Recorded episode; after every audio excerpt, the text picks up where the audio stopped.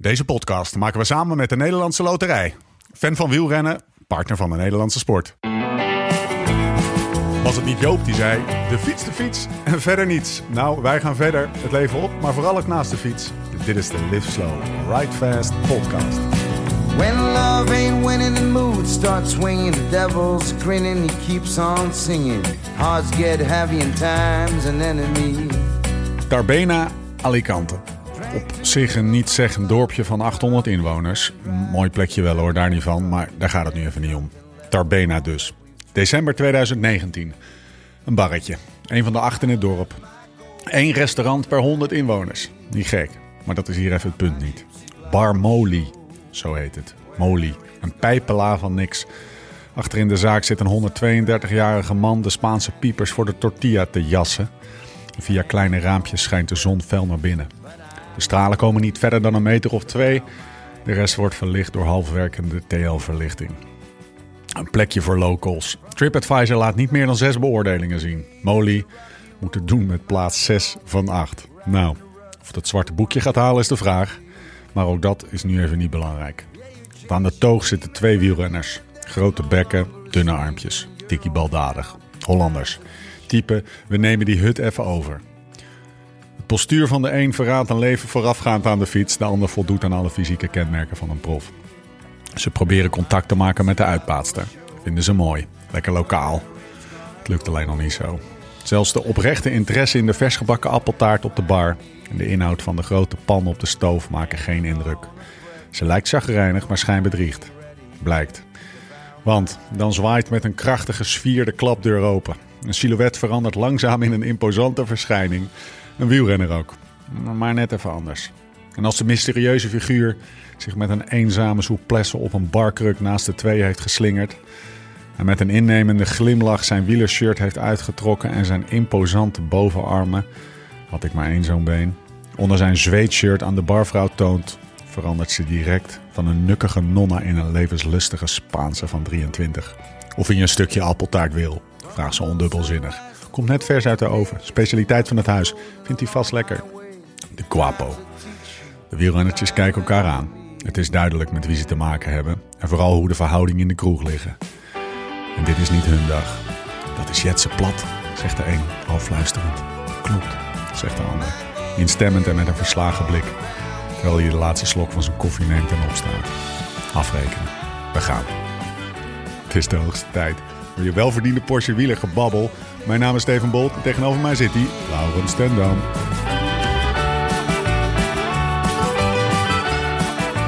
Lau. Lekker weggezet hoor. Hey. Zaten maar weer. Zelfspot. Zelfspot.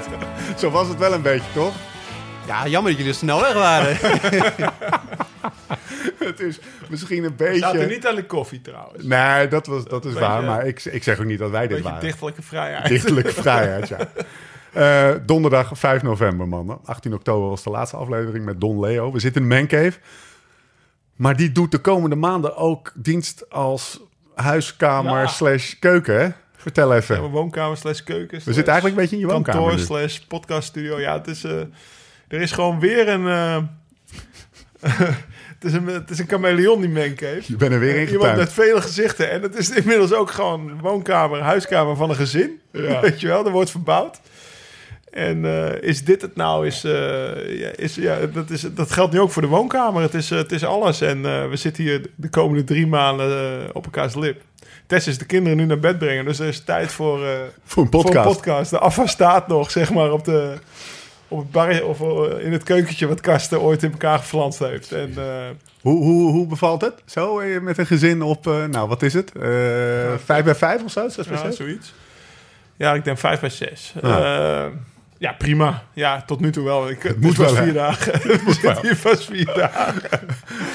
Echt, eh, ik, ik denk wel dat ik een nieuwe noise cancelling ga kopen. Die, die eh, hoofdtelefoon dan. Want die, ik denk die, die, die techniek gaat een stuk beter zijn dan tien jaar terug toen ik mijn eerste kocht. Dus eh, Wij zitten hier aan, de, aan, aan de, wat de huistafel was toen hij nog eh, in de huiskamer stond. Eh, het is nu eigenlijk de nieuwe podcasttafel, want hij gaat niet meer weg hè, naar de, naar de, nee, naar nee. de, naar de verbouwing. Het is een oude tafel. komt We er gaan een nieuwe gaten in boren. We gaan hier zorgen dat de studio zeg maar klaar staat als Jetsen binnenkomt. In plaats van dat we hem eerst nog helemaal moeten opbouwen. Dit wordt het kantoor van, van het Imperium. Maar hoe doe je nou, hoe doe je nou Zwiften? Ik zit hier naast een Zwift. Zondag voor het laatst en daarna heb ik verhuisd. Ik had het er vanochtend met Tess over, want het is natuurlijk ook veel te warm om te swiften. Dus ik denk ook buiten gaan swiften of, eh, of gewoon in de oude woonkamer. Daar staat nu niks, weet je wel. Dat ik daar de Wahoo heen sleep. Zo, dat is wel rocky. Ik heb alleen geen, eh, geen groot scherm daar, of geen, geen tv. Maar dan moet het maar van het laptopje af, zeg maar. Gewoon vanaf je, vanaf je kan je Ja. aansluiten op dat ding. En, Ja, je telefoon gewoon- bedoel je. Ja, ja, je kan hem ook gewoon op je, op je kikker toch? Of nee, op je, sorry, op je... Ja, maar dan heb je geen Swift, hè? Nee, heb je geen Zwift, nee. Nee. Ja, dan, dat is Maar jij bent toch zo... zeg maar. Ja. sorry, ik, ik had even de veronderstelling dat jij gewoon mentale hardheid had. Over mentale hardheid gesproken. Wie, eh, wie hebben we aan tafel? Niet zomaar iemand. Ja, Jetsen, de, de man die zich in uh, Tabena naast ons op de eh, slingerde.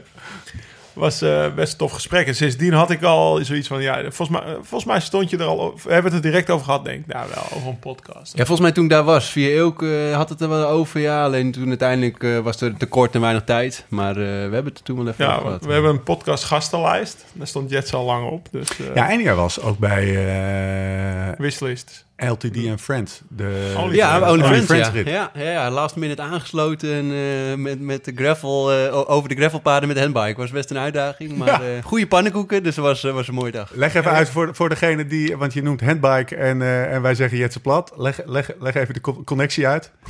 Ja, ik ben niet, eh, niet de doorsnee wielrenner eh, met eh, lichte armen en eh, sterke benen. Ik ben precies andersom. Ik moet lichte benen hebben en sterke armen. Ehm, ja, ik handbike al vanaf, eh, vanaf jongs af aan. Eh, geboren met een beperking aan mijn benen. En eh, ja, zo, zo op een handbike terechtgekomen als vijfjarig jochie al naar school. En eh, ja, nu fiets ik ook in Kalpen en Denia eh, de Colderators omhoog en dat soort dingen. En eh, eigenlijk een beetje via Only Friends, eh, via Roy destijds, een beetje in contact gekomen. En toen ja, die rit aangesloten eigenlijk. En dat was, was op het randje tussen de boomstronken en de dingen allemaal door. Maar ik kon er redelijk aan blijven hangen, dus het was echt een mooie dag. was, was lachen. Ja, dat is heel tof. Maar ik, ik moest, ik, je noemt nu de Col de Ratas. En, en, en ik, ik weet nog dat we een paar dagen geleden had ik het met Lau over dat je zou komen. En dan, toen vertelde ik dat in mijn beleving dat barretje, wat ik net beschreef, dat was echt, ja, dat is super toevallig, weet je.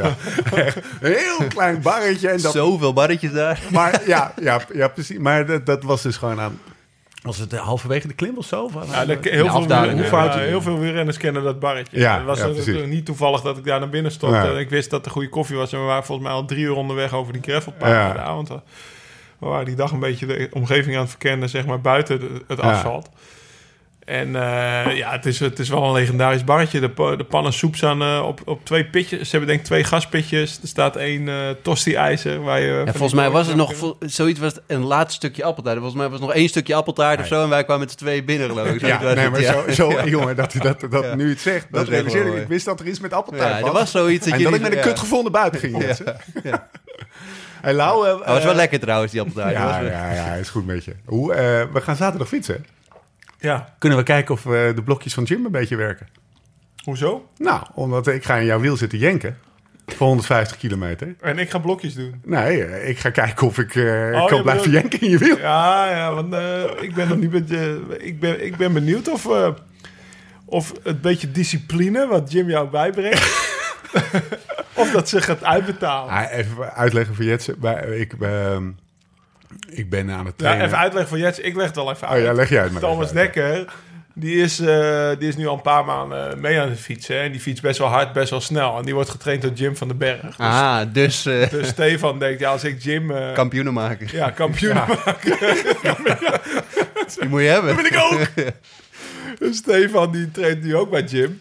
En dan gaan we zaterdag even testen of het, eh, of het effect gaat. Ja, lijkt me dat dat eh, direct, eh, direct zichtbaar moet zijn. Blokjes. Ja, blokjes. blokjes is Die de- doe ik nooit. Blokjes, ja, dat is een beetje de... Ik heb geen discipline en ik moet blokjes doen. En Lau, die- ja, die, doet, die heeft het eigenlijk lang. helemaal niet nodig. Een lang blokje. Die heeft die basissnelheid al van zichzelf. Oké, ehm, krijg jij die battle een beetje door trouwens? De, de Thomas Dekker, Laurens en Dam, Battle on the Beach. Ja, ja ik, ik, volg het, eh, ik volg de podcast in ieder geval, dus ik vind dat wel mooi, ja. ja. Maar, en toen was die mail er ineens. Ja, is, eh, gaat niet door. Shit. Nou, en dan hebben ze een alternatief. En dat is een tijdritje van 10 kilometer op strand. Dan gaan we 10, niet kilo, 10 kilometer. Trappen we niet in. Nee, daar trap ik niet is, in. dan is 40% van jouw aderen nog niet eens gebruikt, man. Ik heb hoog ingezet. Ik heb een andere tocht in gedachten van 100 kilometer. Ja. Zo ergens eh, rond de Veluwe. Heb ik vandaag al... heb ik vandaag lichtelijk gepitcht bij de heer Thomas Dekker. Ja, want we waren samen het fietsen. Jij bent zo slecht, zei hij. ik zeg in een podcast dat ik jou kan kloppen op een ritje van een uur en een kwartier. En dan komt hij met een rit van vier uur af. Omdat je weet dat, dat het al niet meer gaat lukken. Hij heeft natuurlijk al zo air dat hij maar gaat... eh, Ja. en, eh, Maar het is op zich het is ook echt een andere... een half uur later, weet je wat hij toen zegt? Ja. Hadden een half uur wind tegengereden. En we rijden zo'n bochtje uit op het dijkje van Hoorn. En hij zegt... Ik zou wel eens een waaierkoers met jou willen rijden. zegt hij al. Hij weer praatjes. Ja. Ja, hij heeft op zich hij heeft die punt, want hij tekent in voor een, eh, een strandkoers, volle bak. Ja. Uren, eh, wat is het, afhankelijk van de wind en het getijde, uur, uur en een kwartier. En hij, hij wordt er nu opgelegd voor, voor een gravelkoers, eh, gravelkoers over de Veluwe. Maar ik heb er ook al een van vijf dagen uitgevonden in januari. In Afrika. Dat is helemaal wat voor Thomas. Ja, dus...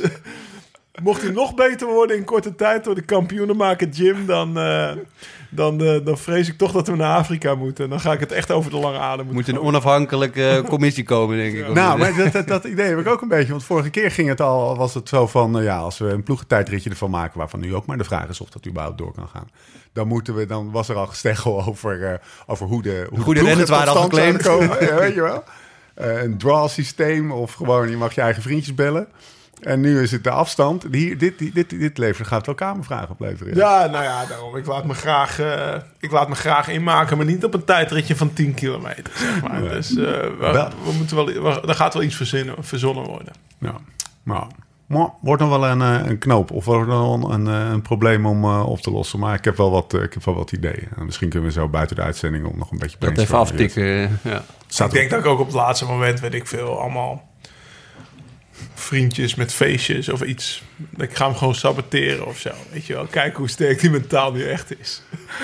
ja, daar op de Prinsengracht daar in Amsterdam, eh, weet ik veel. Met tijdritten dat er per ongeluk een brommer voorbij komt rijden waar je even weer achter kan. Ja, ja, zou ook, ja, bijvoorbeeld. Ja, of dat je gewoon eh, doet alsof ah, de kids... Hij luistert toch nooit podcast, Nee, we maar- kunnen alles zeggen. Nee, maar de- een soort van dat je hem, uit, dat je hem gewoon eh, dagenlang, wekenlang steeds uitnodigt eh, voor verjaardagen of zo. En dan hem even belt. Ja, het is gewoon wel belangrijk dat je erbij bent. Nu onze vriendschap weer aan het opbloeien is. dat hij even stort op je Of emotionele bank. iedere ochtend om zes uur voor zijn deur langs staat lopen.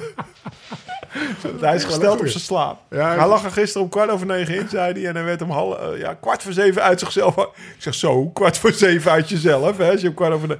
hij, eh, hij is goed bezig. Hij heeft, Ja. een, hij heeft een andere Vandaag leven. hebben we echt, we reden 33,5 gemiddeld, hè. 135 kilometer door Noord-Holland heen. Dus dan sta je echt niet stil. Dat is Nee. niet voor twee uurtjes. Dus hij is wel serieus verbeterd. Dus ik begin om te knijpen. Oké, nou, eh, conclusie. eh, We gaan shit is stil aan. En we moeten alleen nog eventjes eh, de tijd en- en plaats en... eh, of het een messengevecht wordt of, eh, of dat je je pistool Als het aan mij ligt vijf dagen in Afrika, als het aan hem ligt een kwartiertje op het strand tussen Castricum en, Alleen eh, de start. en de Wijk en Pier. Wij- Dan moeten we iets tussenin zien te verzinnen. We stellen een onafhankelijke commissie onder leiding van eh, de heer Jets Plat voor. Wordt Eh, belangrijk ding, wat drinken we? Jeetje, wat zitten we lekker. Ja, eh, nou ja, we, eh, Barolo. De Santanaro. Uit, uit, uit de kopgroep eh, doos van... eh, want want toen wij hem kregen was hij nog niet uitverkocht, zeg maar. Uit de kopgroep doos van Wijnvoordeel. Als de mensen nog die En, kopgroep doos willen hebben... Ik heb Spijk gesproken vanmiddag. Moet je snel zijn, want eerst was die Brunello op. Er zit nu een nieuwe Brunello in. Ja. Maar die andere eh, eh, flessen beginnen ook op te raken. En dat is geen geintje. Dus als je die kopgroep doos specifiek nog wil... En het is niet dat die morgen is uitverkocht, maar Overmorgen wel. zou kunnen. Moet je snel zijn. Ja, moet je even snel Met de zijn. code Barolo. Barolo. Pak je 35% korting. Even terug naar die Barolo die we nou aan het drinken zijn. Want ik heb die proefnotitie. Dat is alsof, daar, alsof eh AFTH van de Heide... Moet je wel even lezen voordat je hem opent, want dan smaakt hij gewoon lekker. Gewoon een beetje... eh, Wat zegt de proefnotitie van Wijnvoordeel? Klassieke en expressieve Barolo. Perfect ontwikkelde wijn met een granaatrode kern en een lichte oranje rand. Kenmerkend voor een Barolo die de jonge jaren achter zich heeft gelaten. En de lichtvoetigheid heeft ingeruild voor klassieke en Nou, expressieve 2015, aroma's eh, van geconcentreerd, bijna jamachtig rood fruit. Hoezo? Nou ja, dat, 2015. hij heeft een jonge jaar achter zich. Oh, vijf zo, jaar ja. oud. Ja. Ik was gewoon even niet op. Hoezo? Op, op- ja, ik was gewoon even niet op berekend dat je gewoon ook hier nog even ging inbreken. Laat me nou Sorry, even, gast. Eh, truffel, Lau, wat ceder. En de voor Nebbiolo zo kenmerkende lichtaardse tonen. Gehuld in een lichte rokerigheid, jongen. Fantastisch. Krachtig van smaak. Zoet rood fruit, wat braam, toast en ceder en zoethout. De vleugje laurier maakt de compositie compleet van de vorstelijke Barolo met stevige tannines. Stoer en krachtig met een aangenaam vleugje leer en tabak. 100 punten. Daar mogen wij het mee doen. 92, toch? Staat Wat je niet weet, kan je ook niet eh, eh, je realiseren, zeg maar. hè. Dus nu we dit weten... Je Is hij het nog aan. lekkerder? Nee, nee, maar zo'n notitie, dat, hè, kijk, bij zo'n zo'n fles wijn, dat is... Hè, die maak je de, de, de, de, met aandacht maak je hem open. En als je dan dat leest, en, eh, dan, dan, dan smaakt hij toch net even Ja, lekkerder... dan ja. dat je gewoon iets uit, uit het schap trekt, zeg maar. En denkt van, nou, het zal wel. Genieten. Ga naar Wijnvoordeel. Als je ook die doos wil, we gaan het nog één keer halen eh, voordat die op is. Wijnvoordeel.nl slash fast. Er staan twee pakketten voor je klaar. Een peloton en een kopgroepdoos. Met de code Barolo pak je 35% korting. Bijna op. Heb ik opgeschreven. We moeten wel iets nieuws hebben. Ja, moeten, een, eh, we moeten iets hebben voor... eh, want die, die, die Giro die is al lang afgelopen. Komen wij met onze Italiaanse dozen, eh, Italiaanse wijn aan. We we moeten gaan iets hebben. kerst doen, toch? We moeten een Lislo Fast kerstpakket hebben. Rijdt vast kerstpakket. Off-season pakket. Of season pakket, ja. Flesje champagne erin. Eh Oh, ja. Riberaatje. Champagne, goeie. Spaanse wijn moet er ook in. Vind ik lekker. Maar wil je dan Bourgogne of Bo- Bordeaux? Franse moeten, of, of doe je één Frans? Dus alleen rood? Die moeten we spijken even over. Bordeaux. Ja, dat gaan we Spijkie vragen. Maar, Ja. maar gewoon een mixdoos. Ja, Italiaans, Spaans en, eh, en, eh, en Frans. Waarbij, eh, als je, als je je, bent wel een beetje van de traditionele... Ja, oude we kijken ook niet naar de Ronde van China. Ik zit hier dus- verdomme toch met een ancien aan tafel. Met al je, met al je, met Ja, nee, dat met al je flikstreken, jongen. Gaat, maandag, gaat zaterdag weer Oké, dus we gaan Weer, een kerstpakketje samenstellen. Ja, ik vind het goed Lislo. Ride Fast kerstpakket. Ik ga morgen Spike bellen. Lijkt me een uitstekend plan. Jetse, geen glas wijn voor je, voor je mik, maar wel koffieman, hè? Wel een koffieman, ja. Ja, ja, ja, ja. Ik las ergens dat jij eh je eigen espresso-apparaat overal mee naartoe zult. Ja, Dat is ook de word on the street. Ja, ik, ik heb eigenlijk vroeger veel koffie gedronken toen ik klein was eh, en altijd bij mijn vader op de koffie ging. Die heeft een eigen autospuiterij en dan ging, we, ging ik altijd stoer natuurlijk even koffie drinken bij papa. Ik denk tot mijn 14e, 15e. Gewoon, Tot zover. gewoon voor, de, van die filterkoffie en tot mijn 14e inderdaad, best bijzonder. Toen eigenlijk best wel lang niet. En ehm, ja, eigenlijk is dat een jaar of vier, vijf geleden er weer ingekomen. Ook, eh, maar zelf uiteindelijk eh, eerst eh, gewoon simpele koffie en toen ging ik me daarin irriteren en toen iets beter. En eh, nou, uiteindelijk heb ik nu echt wel een mooie rocket machine thuis staan en gebruik ik die wel heel graag. Dus ja, natuurlijk ook een beetje door, door het fietsen, door de sport. Ja. Maar ook wel omdat ik het gewoon echt wel van kan genieten. Ben je, ben je dan een type wat, eh, wat met een weegschaaltje de secondes aan het afmeten is? Heb ik, ja, heb ik in het begin wel gedaan om hem goed te krijgen. Ja. Allemaal sinkeldam, zeg maar. Nou, ik, ben nog, ik, ik kan mezelf geen expert noemen, denk ik. Dat niet. Maar ik wil wel, ja, als er een goede boon in gaan, wil ik ook wel dat die machine goed afgesteld Ja. staat. En, Ja, eh, en het is ook gewoon een leuke hobby, zeker. Ik vind het altijd een heerlijk klusje om s'avonds voordat je gaat slapen even tien minuutjes machine schoonmaken. Lekker helemaal. backflushen. En, eh, ja, gewoon even, even een momentje. Dus ja, ik vind het eh, leuk. Lekker wegflush. Mooi. Nou, je hebt wel, dat, dat, dat valt me wel op. Je hebt wel verschillende zeg maar, koffie, koffie eh, profielen, om het zo gebruiker, eh, rocketapparaat eh, gebruikersprofielen. Je hebt de, zeg maar, de alles volledig afgemeten tot op de millimeter en met meteen proeven op het moment dat het niet zo is. Tot en met één keer in de zoveel tijd. Één keer in de zoveel tijd gewoon dat ding afstellen en gewoon lekker, hupsakee. Niet, niet tellen, weet je wel. Niet 20 seconden tellen, maar aangekoekte gewoon... melk op je schuimpijpje. Nee, nee, ik ben wel geordend. En, eh, maar ik, ja, ik denk dat ik dan wel tot die eerste categorie val. Alleen, ik, ik, ik ga er inderdaad mee aan de slag als op het moment dat ik proef van... Ah, dat is niet helemaal lekker. Of een andere soort bonen kan je ook altijd een hele hobby... om dat weer goed, eh, als je andere bonen hebt, weer goed, goed af te stellen. Dus eh, ja, ik vind het leuk. Maar een echt, ex- ik, ik heb nog even, even nodig om echt expert te worden, denk ik. Barista. Barista. Ja, die, Kan je die eh, latte art trouwens?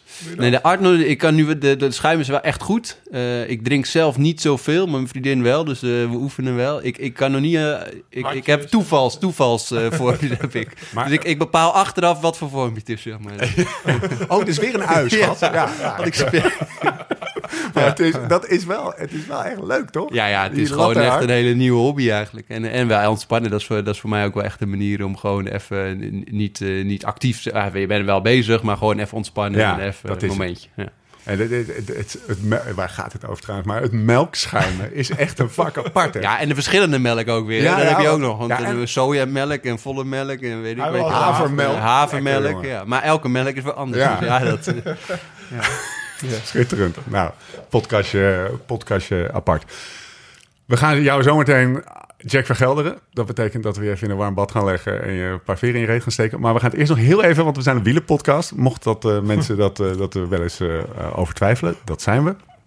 Parcours van de, van de... Ben jij trouwens, voordat ik die vraag aan Lau ga stellen... ben jij trouwens een vervent volger van, van de koers? Zeg maar? Zit jij de hele dag te F5, eh, wielenflitsen?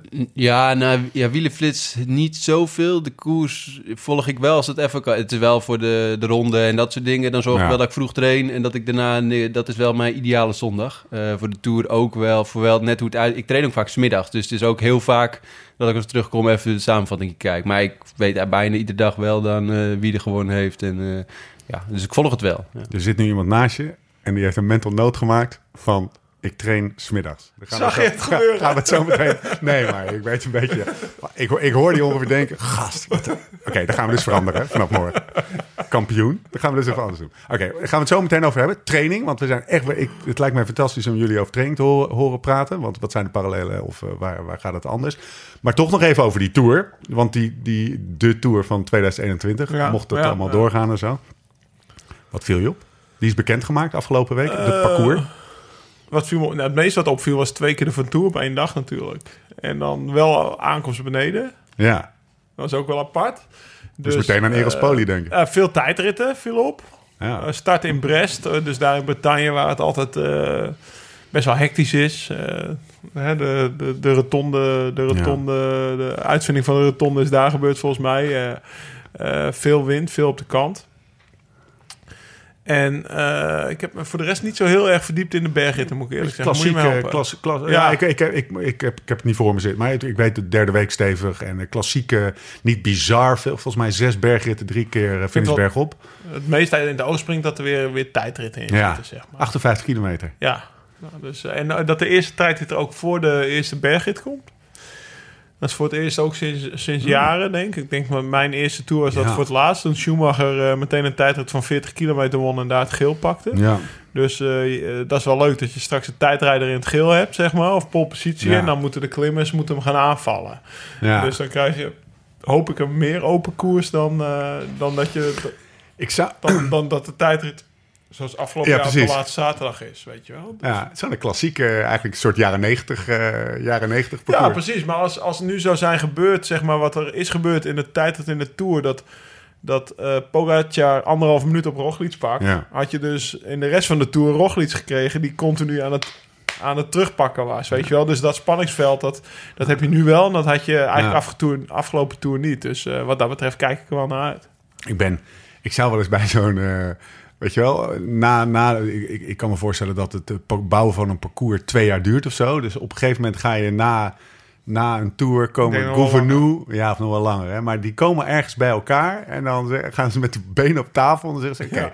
wat willen we nu? Weet je wel, want je moet toch ergens een soort van idee hebben voordat je al die stadjes bij elkaar gaat Ja, lepen. het heeft heel veel met geld te maken. Ja. En in Frankrijk ook heel veel... eh, ja, er wordt natuurlijk veel gelobbyd en gekeken van... wat is nu vorig jaar gebruikt qua Ja. regio en zo.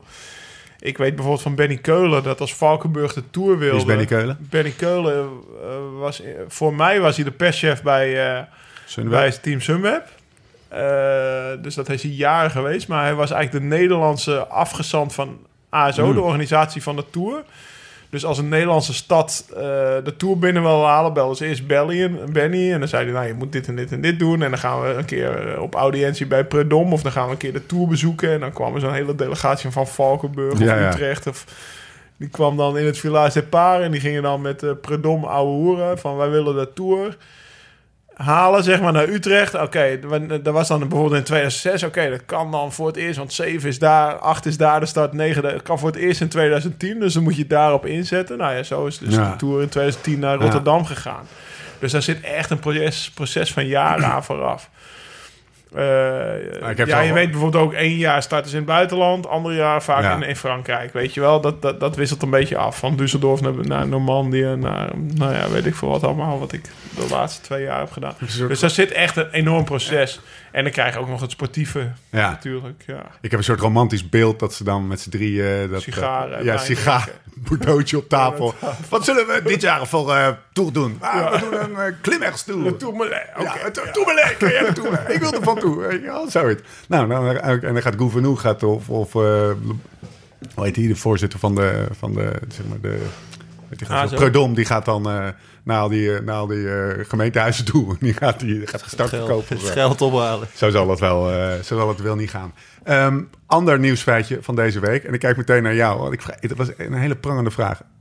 Zou jij zoiets als Dirty Cancelled, zo'n zo'n rit, dus een gravelkoers van belachelijk lang.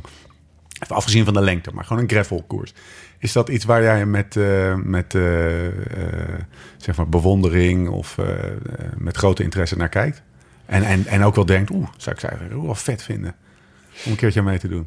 Ja, het lijkt me wel gaaf. Ik weet niet of dat nu in de, de- deze fase, want ik ben dan wel eh, heel erg eh, eh, Gefocust. gefocust op het kortere werk. En dan dat zit gewoon een te groot gat aan tussen. Ehm, maar ik vind het wel heel gaaf om, om te zien. En het lijkt me ook, ik heb ook wel eens bijvoorbeeld in, in, in, in zo- zo'n lange mountainbike rit of weet je, zo'n paardaagse mountainbike. Ja. Het lijkt me wel super vet om daar eens aan mee te doen. Dan moet ik me natuurlijk wel beter voorbereiden en zo. Maar ja, ik sluit niet uit dat ik dat ooit nog eens wil doen. Het lijkt me wel echt... eh, dat soort dingen vind ik... Ik ben niet per se van het extreme. Ik zou niet, eh niet in nachten doorgaan om, om eh, weet ik hoeveel honderden kilometers achter Ja. elkaar. Dat, dat zie ik niet per se... Ik hou nog wel een beetje van de snelheid. Dus Ja. dat, dat, maar ja, richting die, dat lijkt me nog wel schaaf. Maar dat is meer ook om gewoon is gedaan te hebben, af te vinken. En ik zou dat niet... Staat er zoiets? Is, is, is, Nee, niet voor het handbiken in principe. Nee, nee. dan zou je natuurlijk altijd, al- als het mogelijk is, dan moet je gewoon aansluiten bij zo'n Ja. event. En dat kan op zich natuurlijk prima als, je, als je het vol, vol- vol- kan volmaken, zeg maar. Dat is nog wel even een dingetje, denk ik. Het zou wel vet zijn als eerste handbiker eh Dirty Cancer rijden of zo. Ja. Hè? ja. Nee, ja, wie weet. Ik, eh, ik, ik, ik, ik, heb wel, wel, ik vind dat soort dingen wel mooi. En je zoekt dat, dat soort dingen wel op. En eh, als daar ruimte voor is, en dat is in mijn geval meestal het jaar na de Spelen bijvoorbeeld. Ja. De Spelen zijn voor ons belangrijk. Er is altijd wel weer wat ruimte, ook in 2017 gedaan. En zo heb je eigenlijk ieder jaar na Ja. de Spelen wel iets ruimte om, om wat anders op te pakken. Dus eh, ja, wie weet. Hij heeft de N100 wel al afgevinkt, hè? Ja, man. Kan jij nog niet zeggen? we kregen- we kregen- nee, veel te veel single track. Ja. Eh, jij bent Ja. gespot gisteren. Ik kreeg een fotootje van Hossel. Die, eh, Ja, die of, kwam ik, eh, van kwam ik een paar keer tegen. Want Ja. dan ging het natuurlijk Chris Kras eh, door. Nee, ja, ik, ik, ik wilde het eigenlijk vorig jaar al een keer doen. En dat komt ook wel een beetje door de podcast dat ik dat een keer luisterde. En, en ik heb zelf een mountainbike, handbike, een tweewieler eh, eh, ja, met noppenbanden en, en een handbike versie dus. En dat is, ja, daar rijd ik op zich op schoolrol Ja, reken. dus even voor de, voor de luisteraar. eh, Gewoon twee wielen. Ja, normaal elkaar. heeft een handbike altijd drie wielen. Eh, mijn wedstrijdfiets en eigenlijk al mijn handbikes hebben drie wielen. Eh, omdat ik ook nog wel gewoon beenfunctie heb en, eh, en, en dus een voet op de grond kan zetten. Wat niet Ja. kan als je een dwarsleesje hebt, maar in mijn geval eh, door een prothese eh, kan dat wel. En dan heb ik een tweewieler en dan kan je dus ook die single tracks. Ja. En dat is natuurlijk vaak van een handbike het lastige. Als je die drie wielen hebt, kom je natuurlijk bijna geen parcours Nee. over. Dus eh, ja. Hoe gaat, gaat er vering in? Er zit geen vering in. Het is echt een oldschool stalen framepje ook nog. Een Canadees eh, merk. een aantal jaar geleden. Ik had hem op een gegeven moment om gewoon naar de sportschool of naar het zwembad eh, mee te fietsen. Ja? Toen heb ik een tweede aangeschaft. nou, nog iets meer proef met een groter achterwiel ook. En ja, dat is op zich wel. Maar ook in Livigno, als ik op hoogte ben, rijd ik daar ook. En dan ga ik af en toe wel naar beneden dat ik denk van... Oh, dat is wel een beetje op het... Ik vergroot mijn kansen op goud nu niet. Nee, dat is dan wel. eh, maar dat is zo. Ik vind mountainbiken echt wel gaaf. Je hebt natuurlijk al zoveel jaren ook op de weg gefietst. En ik vind dat nog steeds mooi, zeker als je in het buitenland bent. Alleen het gevoel wat je met mountainbiken... en dat vind ik ook zoals, zoals gisteren... dan start je voor het eerst eigenlijk dat ik echt in donker wegging. Ja. En dat moment dat je dan je lampje aanzet... je auto op slot klikt en wegrijdt... dat is wel gewoon even een momentje. En dan denk je, ja, dan, dan ben ik eh, vlak bij huis eigenlijk... en wat, wat, waar gaat het om? Maar Ja. ja, dat, dat, dat vond ik wel heel tof om te doen. Ja. En eh, dat vind ik wel het mooie van die gravel of, of mountainbike routes. Ja, s'nachts fietsen, we hadden het er net even over. Of s'avonds fietsen. Ja, ja ik ben dan wel het ochtendmens. Dat ja, vind ik het mooiste. Maar eh, ja, dat was echt wel tof. Ja.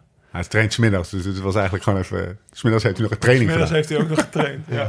Hey, eh, Dirty Cancelled, dat, dat is de, de, de rit waar we het over hebben. Die hebben een, Nieuwe naam, hè? Dirty een Of, eh, sorry, Dirty- ja, Claimen het al, claimen. claimen die al. dat, is het dat is de alternatieve Dirty Cancel. Ja. Eh, Dirty Kansas heeft een nieuwe naam, hè, Lau? Unbound. Unbound. Ja. Dat we toch, willen we toch even notie van maken, want dat is, daar is film te doen geweest. hè? Ja, vooral in Amerika Ja. natuurlijk. Want daar heeft daar veel over verteld. Ja, in onze podcast met eh Piet Steddina. Ehm Dirty is ook een naam voor eh, eigenlijk een scheldwoord zoals wij roodhuid zouden kunnen zeggen, zeg maar, over een Indiaan. En eh er is een Indianenstam daar, die, dat is de Kaw Nation, K- K-A-W. Nee. Ja. Dus ja, dat, het zou een scheldwoord kunnen zijn voor die, voor die Kaw Nation. En daar, werd, daar werd op een gegeven moment op, tegen in opstand gegaan. En de organisatie zei, joh, het was helemaal niet zo bedoeld. Dus als we een Ja. nieuwe naam willen, dan doen we Ja. toch een nieuwe naam, prima. Zag wel Eh, strak niemand uit, tegen hè? de schenen schoppen. En volgens mij, ja, ik, ik denk het, het evenement is hetzelfde. Hè? Het Ja. is eh, dezelfde plek, dezelfde plaats, eh, dezelfde vibe, denk ik. Dus eh, ik hoop gewoon dat het eh 5 juni door kan gaan volgend jaar. man. Dat is gewoon eh, dat is de grote vraag. Want, eh, nou ja, met alles zo, met iedereen zo. Wij zijn ook wel weer toe aan een avontuurtje. En, eh, Jongen, jongen. zou toch, als dat voor het tweede jaar achter eh, op rij door de neus wordt geboord, zou wel heel jammer zijn, ja. Wat zijn we toe aan een avontuurtje? Ja, toch? Even, ja, bedoel, er zijn echt erge dingen in het leven. Hè? En er zijn echt mensen die hebben echt gewoon shit. Heel misschien dat het onder luxe valt, maar dat Ja, vinden wij toch nee, niet. nee, dat nee, vinden nee. wij toch niet. Wij kunnen nu volledig even in katzwijm gaan. Eh, eh, wij willen een avontuur. Hoe moeilijk wij het hebben, Ja, hoe zwaar wij- het Al, al is het maar, je hebt het net over, ik wilde naar, eh, naar Kalpen en ik, ik ging zelfs in de auto wilde ik gaan. Ja, we hadden dat nu gepland. Ik, ik ga het in de winter wel, wil ik wel weg. En op zich is Kalpomgeving natuurlijk ook wel gewoon een, goede plek. Ik hou ook wel dat ik een beetje weet waar ik Ja. ben. Girona of Kalpen. Maar Kalpen is gewoon een, qua weer goed.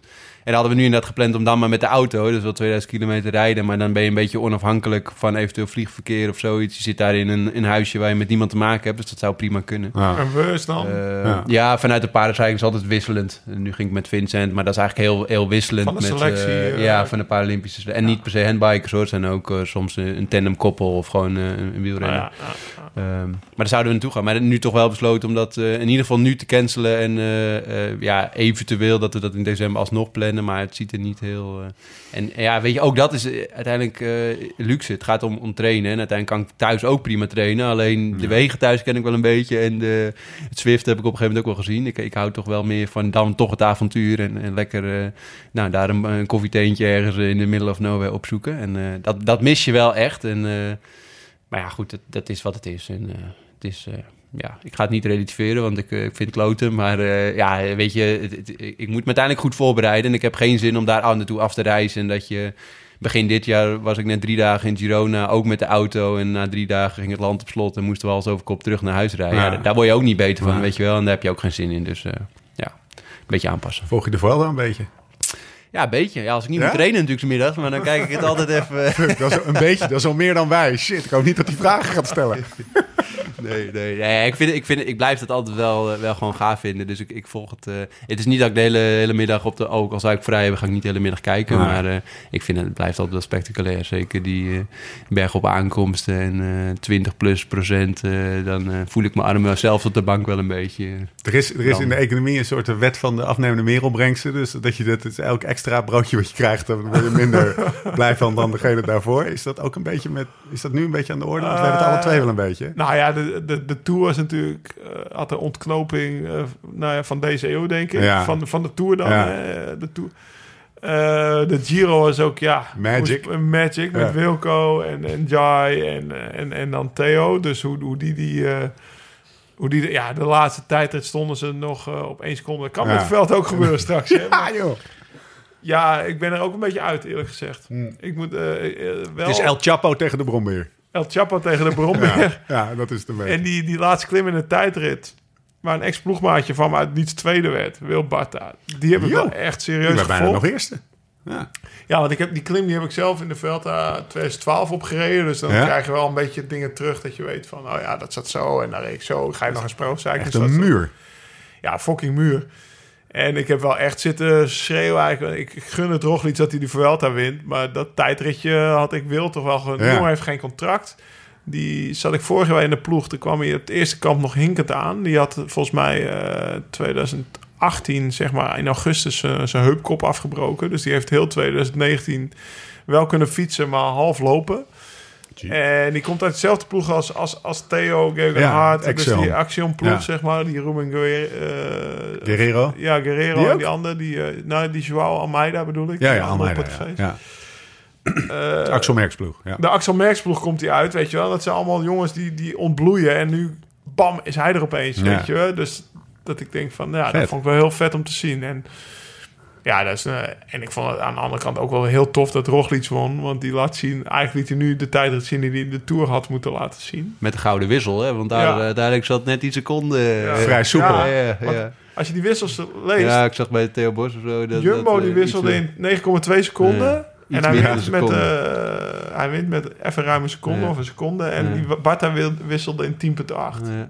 Dus daar Lekker. is hij gewonnen. Heb niet meegekregen. Ja, de wissel. Dat is ineens Ja, dus, Ja, dat vind ik zo gaaf wel bij dit soort dingen. Dat zelfs daar dan al die verschillen in zitten. En dat is wel mooi, Ja. toch? Dat is wel bizar. Ja, ja, die, die, die eh mechanieker of zorgen die eh Roglic daar aanduwde. Ja, die, die eh, mag een goede vakantiebonus Godsamme krijgen. zeg, die gaf me toch een deal? Ja, maar stel je voor dat je dat bent. En dat je 's ochtends vroeg al weet dat jij dat moet gaan doen. Dan word je toch redelijk loco. Ja, dat Maar hij moest al die renners doen, toch? Denk niet alleen Roglic. Nee, dat weet Nou ik ja, maar ja. Best wel heftig. Yo. Ja. Nee, maar even afgezien van het duwen. Dat je weet, dit is het moment. Ja, als jij het verkloot, dan... eh, Yo. ja. Armstrong die vertelde dat in zijn podcast tijdens Ja? de Tour... over die, die dag van Roglic. Hij zei, Ja? ja, ga, wat verdient een mechanieker? Ja, Ja, weet ik veel, 50.000 dollar Ja. zijn in kopie, weet je wel, per jaar. ze weet weten je. het echt niet. I don't know. 50.000 dollar. I don't think a man who earns 50.000 a year should have that responsibility. Ja, ja. weet je wel. Maar dat, Zo. Dat, zijn, want, ja, dat, dat, is, eigenlijk- dat is het eigenlijk wel Het is, natuurlijk. het is een, het is een keten. En ja, hij is gewoon even dan, op dat moment een hele belangrijke belangrijkste, schakel. sch- of een van de belangrijkste schakels in die keten, die dan eigenlijk, eh, ja, het salaris van een mechanieker, dat is dan niet voor het oog van de wereld. Hè. Tourwinst gaat om miljoenen, wel of niet, zeg maar. En daar verbaas ik me dan ook wel weer in de professionaliteit. Dat je, ik ben daar soms wel jaloers op in het wielrennen, allemaal zo goed geregeld. En dat je dan Ja. zulke budgetten en dat het dan op die manier gaat. En ik moet zeggen, het ging hier wel super snel. Ja, maar als je ja, dan bij andere ploegen ziet dat... Ja, die gasten moeten meteen een beademing als iemand weggeduwd hebben. Ja. Dan denk ik, ja, dat is toch bizar. Dat Ja, je moet eigenlijk in- eh, iemand een eh, in de auto hebben. heet het, Ja, die ja. bobsleer. Ik heb een maat van me, Peter Wolters. Die Ja. heeft drie keer die klimduinrun gewonnen in Schorrel. Dus dan moet je van onder tot boven. Ja. Ja, die zou ik in die auto een- zitten. Die kan aardig Een Shim- Shimano spoedcursusje doen. als die Je mag weet even een dagje in de Blue Shack. Kun je een cassette wisselen en dan mag je mee. Hè? je gewoon dat je geselecteerd wordt op je, op je aanduw. Nou, het, eh, nou, het is een, een, een, een, een, een cruciale duw geweest. Nou Dus ja, ik denk wel dat het een geslapen. dingetje gaat worden, toch ook? Ik denk dat Ja. er wel beter over na denken. Het wordt steeds belangrijker. Ja. Ja. Functieprofiel van een mechanieker. Wat is je 100 meter tijd? Dus meneer Bolt. dus mijn neef. Dus mijn neef. Oké, eh Jetsen. Jack van Gelderen. Komt hij, ja? Oh jee. Paralympisch kampioen. Ik ga Triathlon geloven, zie. 2016. Wereldkampioen handbiken. Dit is ook voor de mensen die, eh, die niet weten wie Jets Plat is. Kom onder die steen vandaan, want we er zit een legend aan tafel. Wereldkampioen handbiken 2017, 2018. Wereldkampioen triathlon 2016, 2017. Wereldrecordhouder handbike marathon. In de tijd van 57 minuten en... Boah, 39, 39. Ja, Oh, ja. een valreep. Wat een valreep. Toevallig zeg ik precies 39. Berlijn, dat was het er niet maar- Europees kampioen triathlon 2014, 15, 16, 17. Nederlands kampioen handbiken 10, 11, 13, 14, 16, 18. Nederlands kampioen triathlon 2018. Avonturier. Het is gewoon het is zoveel dat ik het versneld ga oplezen. Avonturier, ondernemer, cycling legend. En nu bij ons in de podcast. Ja. Er zit een legend tegenover ons. hè? ja, zeker. Heel vet. Ja, Hoe ben jij eigenlijk ooit gaan handbiken? Ehm, nou ja, ik ben eh, 29 jaar ondertussen geleden al eh, geboren. eh, met een beperking aan allebei mijn benen. Ehm, links is mijn bovenbeen kort en missen de kniebanden. En rechts eh, mist mijn gehele bovenbeen. Dus zit Ja. dus eigenlijk mijn onderbeen aan mijn romp vast. En allebei die heupen zijn niet eh, zoals het hoort. Ehm, ja, en daar ben ik eigenlijk echt wel oprecht mijn ouders heel erg dankbaar voor... dat ze me niet in een taxi gezet hebben en naar school gestuurd hebben... maar eh, een beetje op zoek zijn eh, gegaan naar mogelijkheden. Ehm, ja, en toen was een handbiken zal nu met mensen al niet zo heel veel zeggen... maar toen was het al helemaal niet bekend. Eh, dus het was eigenlijk echt per toeval dat ze in het Vondelpark van Amsterdam... een, eh, een, een handfiets zagen fietsen, zeg maar. En toen Ja. zijn ze eigenlijk een beetje gaan zoeken van waar komt dat vandaan... en, en hoe zit dat in elkaar. Ehm, ja, en op die manier kwam ik eigenlijk op mijn vijfde eh, op een handbikeje te fietsen. En ja, toen nog echt met een duwsteun. Ik, ik woon uh, in Vrouwenakker, dat is een klein plaatsje net ja, aan de meer. Uh, daar moest ik de brug altijd over en dat was toch wel een hele steile brug. dus daar moest ik altijd overheen geduwd echt worden met een duwsteun door mijn moeder. ja, een, kilometer of drie naar school fietsen en heen en terug. En daar is het eigenlijk een beetje begonnen. En ja, dat is toch best wel, ook al als je die foto's en zo terugziet. Ja, wat ik zeg, ik ben oprecht wel gewoon ook dankbaar dat mijn ouders toen wel een beetje op zoek zijn gegaan naar die mogelijkheden. Omdat, ja, los van dat ik natuurlijk nu overal zelf naartoe kan fietsen. Het, ja, het geeft je ook wel uh, een beetje de kracht die je in je leven, denk ik, nodig hebt. Je hebt de wereld wel een beetje groter gemaakt op die Ja, precies. Ja, je, je benen doen niet wat ze moeten doen. En ik kon gelukkig wel lopen. Eerst met een, een, een wat beenlengteverschil. Uiteindelijk is het echt een prothese geworden. En heel veel operaties toen ik jong was. Uh, dus dus ik, ik heb ook wel de geluk gehad dat ik niet volledig rolstoelafhankelijk ben. Uh, ja. alleen ja, wel met lange stukken lopen of op een normale fiets fietsen. Dat, dat ging niet. En ja, dus als vijfjarig jochie. Hoe, je, kom je vanavond binnen en je loopt eventjes goed opgevoed als je bent. eventjes de pot en pannen van de drie meter vanaf hier van de tafel naar het fornuis. Ja. Dan zie ik je gewoon... hoe, hoe, ver kan jij lopen dan? Hoe... Ja, Avondvierdaagse werk? Nee, nee, nee. Het is denk ik echt... Uh, ja, ik vind dat lastig, maar 500 meter tot een kilometer. En het is gewoon, hoe meer ik loop, hoe uh, harder ik de klap de volgende dag terugkrijg. Dus uh, ik merk gewoon als ik om mijn huisje moet ook wel eens klusjes gebeuren. En, en, dan merk je gewoon als je veel gedaan hebt, dat je de volgende dag echt, ja, gewoon last, van, pijn last in je knie. En, nee, vooral knie en heup eigenlijk. Dat is eigenlijk, de prothese is nog niet eens het meeste probleem, maar mijn knie is gewoon niet zo heel goed. En, en ja, je loopt toch enigszins op dat ene been, omdat je andere prothese is. Dus je moet continu die stap met die ene been zetten eigenlijk. En dus, dus ik kan wel lopen, en, uh, uh, maar ik, ik, wen, ik merk wel, zeg maar, toen ik uh, 14, 15 was... Ik heb ook nog ooit nog wel eens met een schoolvoetbaltoernooi meegedaan. Was ik niet, niet de beste spits, zeg maar. was keeper. spits. ja. Als ik de bal had, was het goed, zeg maar. Uh, maar toen kon ik nog wel enigszins een soort ja, sprintje trekken of, of in ieder geval iets, iets sneller lopen. En, en dat, gaat, uh, dat, dat, dat lukt niet meer. Dus het gaat wel uh, ietsjes achteruit. Maar ik, ik, ik hoop gewoon dat ik heel veel jaren nog in ieder geval kan lopen. Omdat het me wel heel veel vrijheid, zoals nu even naar de auto of, of dat soort dingen. Dus, ja. En welke, weet je, welke sport beoefen je nou? Uh, ja, ik ben, ik ben begonnen uh, gewoon net als veel kinderen met schoolzwemmen. Dus met zwemmen was ik al echt vroeg in aanraking. Het handbiken natuurlijk naar school. Dat is uiteindelijk van zwemmen ook naar waterpolo. Ik heb een aantal jaar waterpolo gespeeld in een valide team gewoon. Alleen merkte ik daar ook, ja, zodra ik mijn arm boven water had om een bal te vangen... en iemand legt zijn wijsvinger op mijn hoofd, dan lag ik op de bodem, zeg maar. Dus zolang mijn armen onder water waren, was ik snel en goed. Maar ja, dat was uiteindelijk niet echt. Uh, toen uh, ben ik eigenlijk in de handbike sport gekomen vanaf mijn twaalfde ongeveer. Uh, handbike ook gewoon echt een nationale en internationale sport. niet met leeftijdscategorieën, natuurlijk een, echt een kleine wereld als je het vergelijkt met wielrennen of met andere sporten. Dus ja, dan sta je ook wel meteen tussen de grote kanonnen, zeg maar, als, als klein ventje. Dus dat was best wel heftig begin. Uh, maar goed, eigenlijk dus vanaf mijn twaalfde wel met... Uh, dus met geen juniorenkampioenschap? Nee, nee, nee, nee. Het is meteen... Uh, eigenlijk stond je gewoon tegen een Nederlands kampioen aan de start, zeg maar. Dus het was ook echt wel... Ik vond het niet leuk de eerste keer. Was, was, er, een, was er een moment dat je dacht... Ik ben wel best wel goed?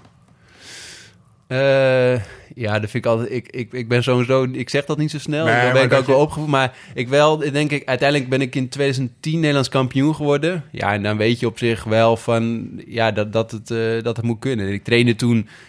Ja, best wel veel of hard in mijn uh, idee. Maar ik wist ook absoluut dat het nog beter kon. en. en dus ja, eigenlijk. En toen ben ik in 2000.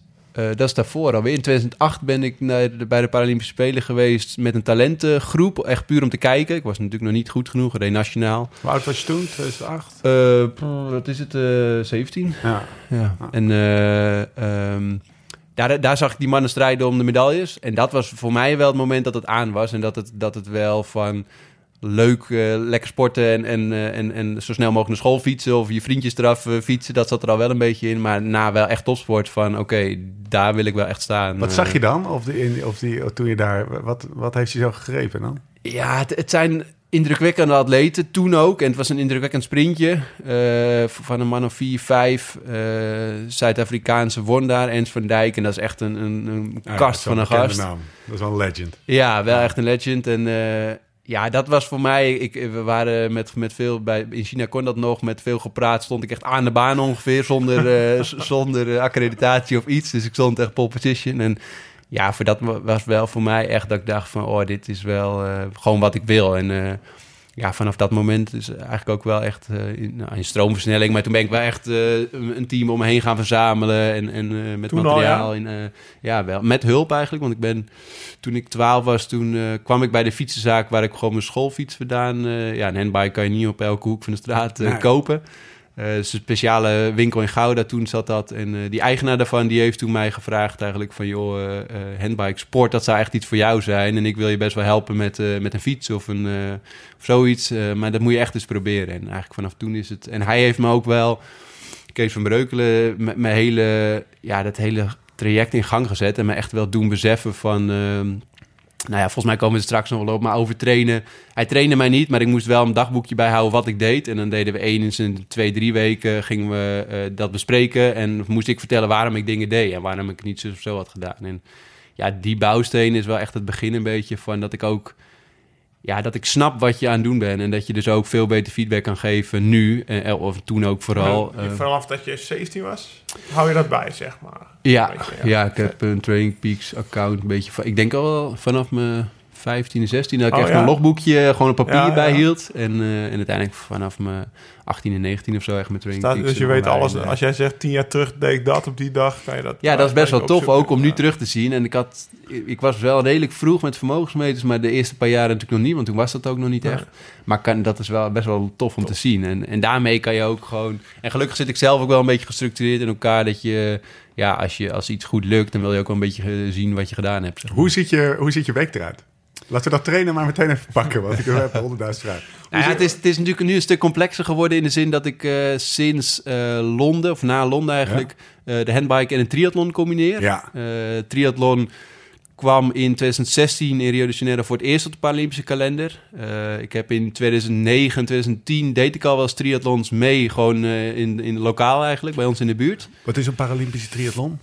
Nou, de gewone triathlon is natuurlijk zwemmen, fietsen, lopen. Ja. En voor ons is dat het zwemmen hetzelfde. Dan is het fietsen op een handbike. Ja. Eh, en het looponderdeel is in een, eh, een racerolstoel. Dus dat Ah, ja. lijkt eigenlijk een beetje op een, een rolstoel. Alleen dan, ja, ik zeg altijd maar een snelle variant. Precies. groot verschil is dat je op een handbike ketting en versnelling hebt. En in een racerolstoel ja, met handschoenen sla je eigenlijk direct op de hoepels. Dus op de wielen. Ja.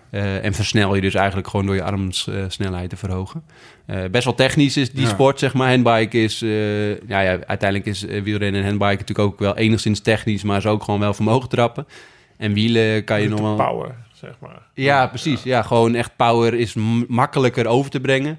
Eh, en in het wielen is het echt wel, dan kan je heel gro- groot en sterk zijn. Maar als jij niet op het juiste moment die hoepel raakt, dan eh, kom je Hetzelfde als schaatsen misschien. Timing is heel Ja, belangrijk. ja, precies. Ik denk het wel. Ja. Echt een eh, ja, timing. En, Je kan nog zo'n goede wielrenner zijn, maar als je niet kan schaatsen, dan ga je nooit hard... eh, Nee, er kan heel veel energie verloren gaan als je Ja. het niet goed doet. Dus, Is, dat, is dat talent of is dat, is dat, is dat gewoon, eh, gewoon Ja, trainen? Of- combinatie van talent en ook wat doen. Tuurlijk moet je de goede aansturing hebben wel. Dus je Ja. moet ja, wel eh, je, je- je goede connectie hebben tussen je hoofd en je, en je arm, om het zo maar te zeggen. Ja.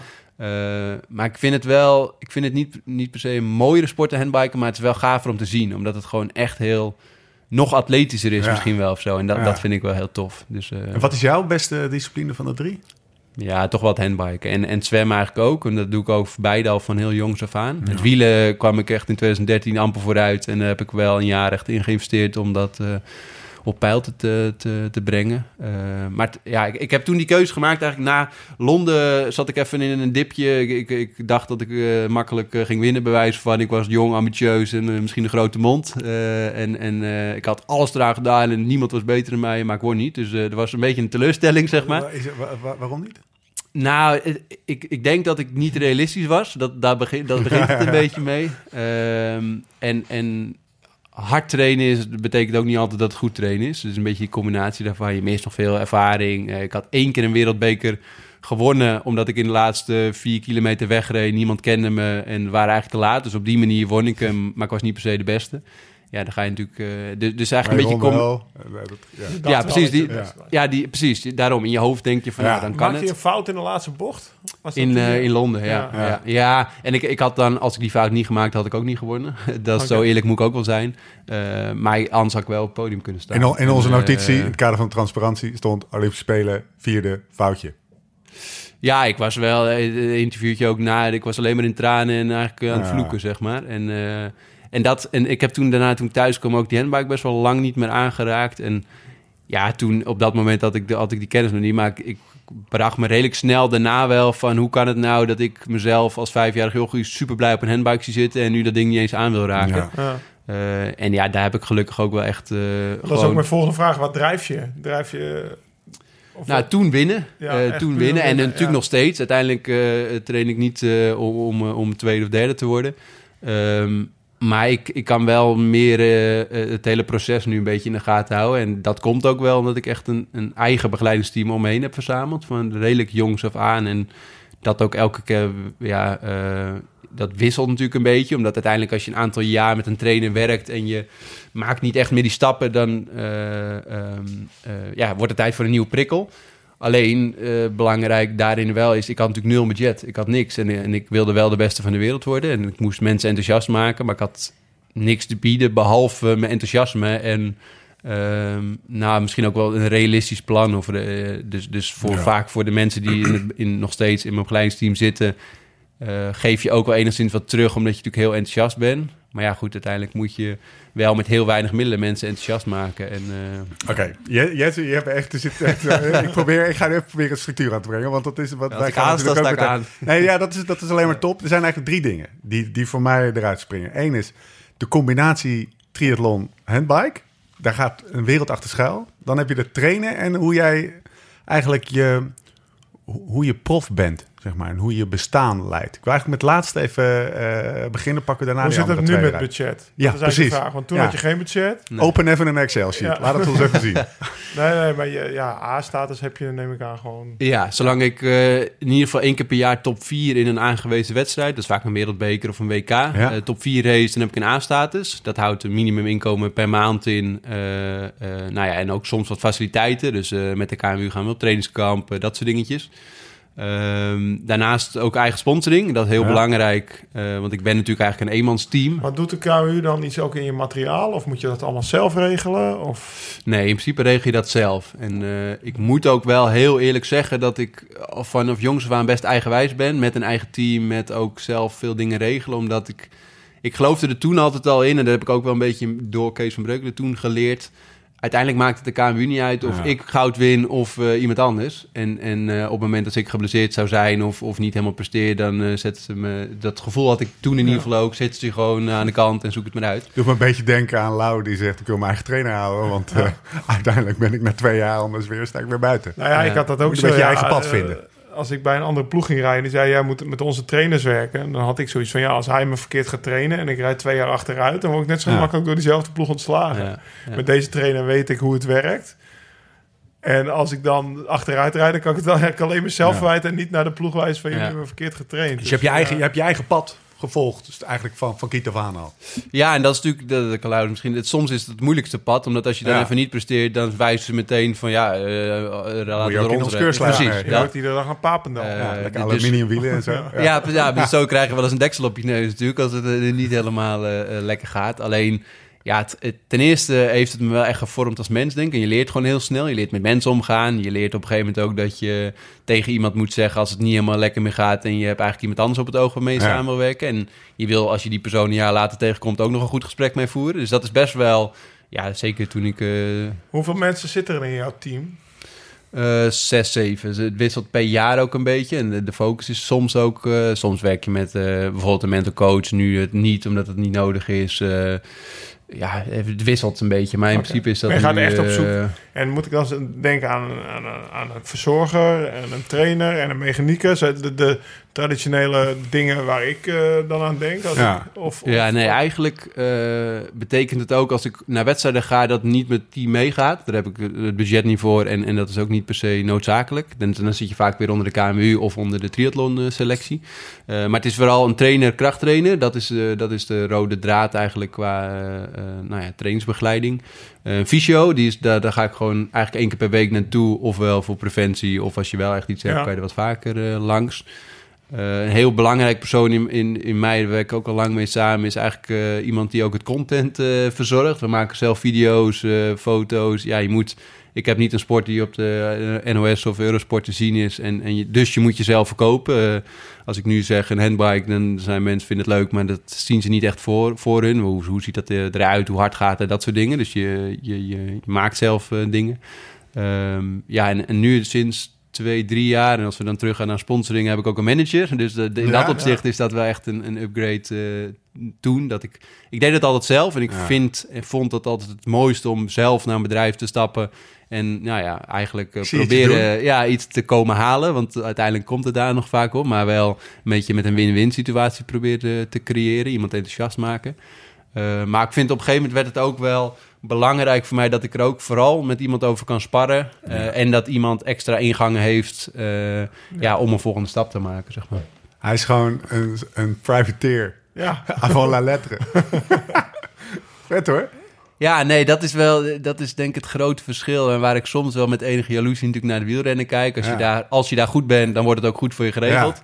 Eh, daar, daarin tegenover staat natuurlijk als je net niet goed genoeg bent, dan zoek je het ook maar uit en dan kom je er helemaal Ja, niet. Eh, ja. en, en natuurlijk is dat, uiteindelijk is de, de hele Paralympische wereld natuurlijk kleiner. Dus je zult eh, ja, je sneller boven komen drijven als je, als je enigszins talent hebt en ook echt bereid bent om er alles voor te doen.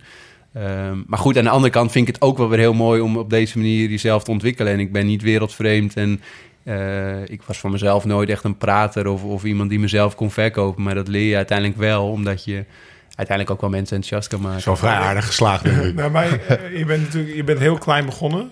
Eh, Wat ik, eh, ik, ik hoorde van Eelke, ik, eh, een Ja. goede vriend van mijn bondscoach. Handbiken, ja, Paralympische ja. wielrennen. Eh, die zei ja, tien jaar terug kwam je met een busje, stickers erop geplakt zo. Hè? En nu, nu, nou ja, het eerste wat je, eh, Stefan zei toen je binnenkwam, ik wil ook een bus. ik wil ook zo'n bus als Jetsen. Met de foto van Ik wil ook ja, een bus ja. met een foto van mezelf. Ja, toch? Ja, joh. Dus da- da- da- daar heb je echt wel eh, stappen in gemaakt. Dat is wel vet om te zien, zeg maar. Ja, nee, het begon. eh, toen- ik werkte ook gewoon op zaterdag in, in de vakanties om vervolgens dingen te kunnen betalen. En dat was ook mijn eerste sponsor voor 500 euro in het jaar. Eh, Ja. Dat was eigenlijk meer. En ging ik helemaal shirtjes voor laten maken. En bijna die 500 euro was al op. zijn bewijs van om, eh, om hun te laten zien. Wat uiteindelijk die eigenaar. eh, Die deed natuurlijk niet om, eh, om zijn merk. Want daar ben ik dan niet helemaal op dat moment de persoon voor. Maar ja, nu ondertussen zit je natuurlijk inderdaad met een Toyota, een Nederlands loterij. En dat is wel gewoon ja, heel anders. En Ja. ook wel Ja. weer heel gaaf. En eh, ja, dat vraagt toch ook wel weer een beetje voor een andere aanpak. Dan, dan komt het ook absoluut uit de gunfactor. eh, maar het is ook wel echt sponsoring. Ja, precies. Heeft de komst van je manager ook eh, jou tijd gegeven om meer te focussen op het sporten? Eh, ondertussen wel, denk ik. In het begin vond ik het heel erg lastig om Hele niet, lange eh, overdracht. ja, niet mee te bemoeien. Ondertussen heb ik echt wel Bart van Schijndel ja, echt vertrouwen in dat hij Ja. Nou ja, mij goed kan vertegenwoordigen en, en ook meedenkt om me beter te maken.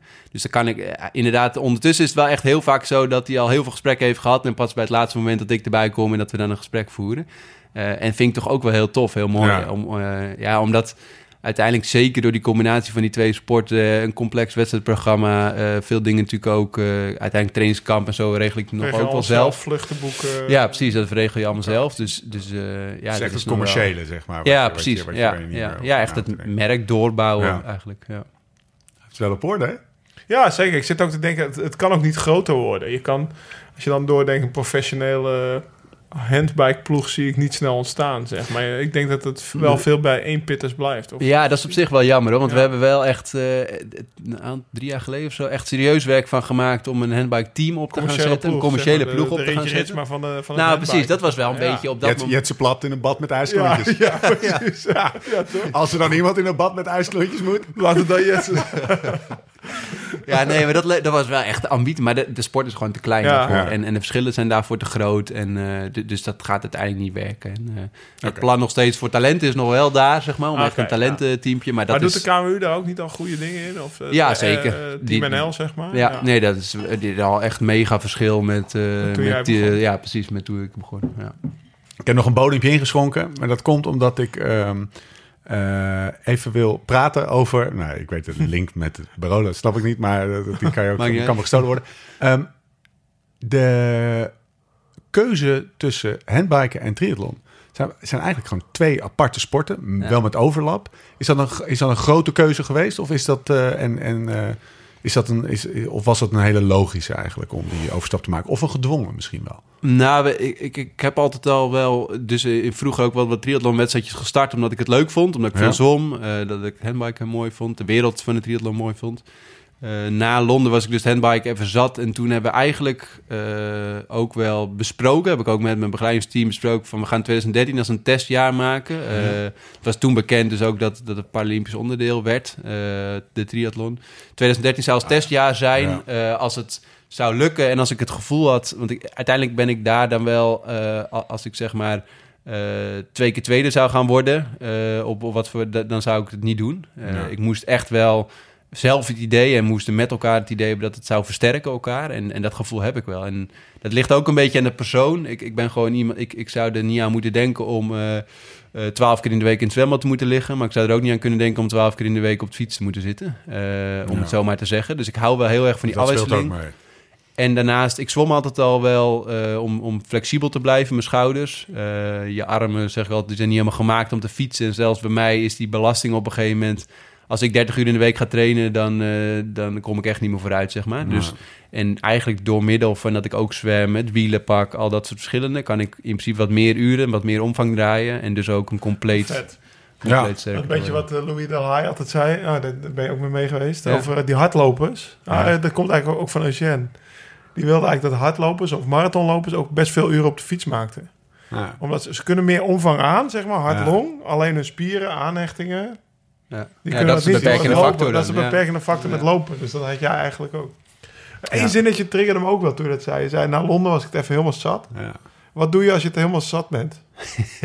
Nou, toen ging ik dus, eh, nou het was geen twaalf keer, maar ik denk tien keer in de week in het zwembad liggen. Want ik wilde eigenlijk Ja. de 100 meter onder een minuut kunnen zwemmen. Ik had me daar heel, eigenlijk was ik al, ja ik denk echt twee weken na Londen was ik daar al mee bezig. Dus ik, ik het was niet dat ik daar niks ging doen en Ja, niet meer ging sporten, maar ik was, Was het die, een vlucht of was het echt... eh, ik denk dat het wel een beetje een vlucht. Het, het klinkt nu alsof ik in een enorme depressie zat. Dat was absoluut ja. niet zo. Nee, alleen- dat, is, dat is leuk.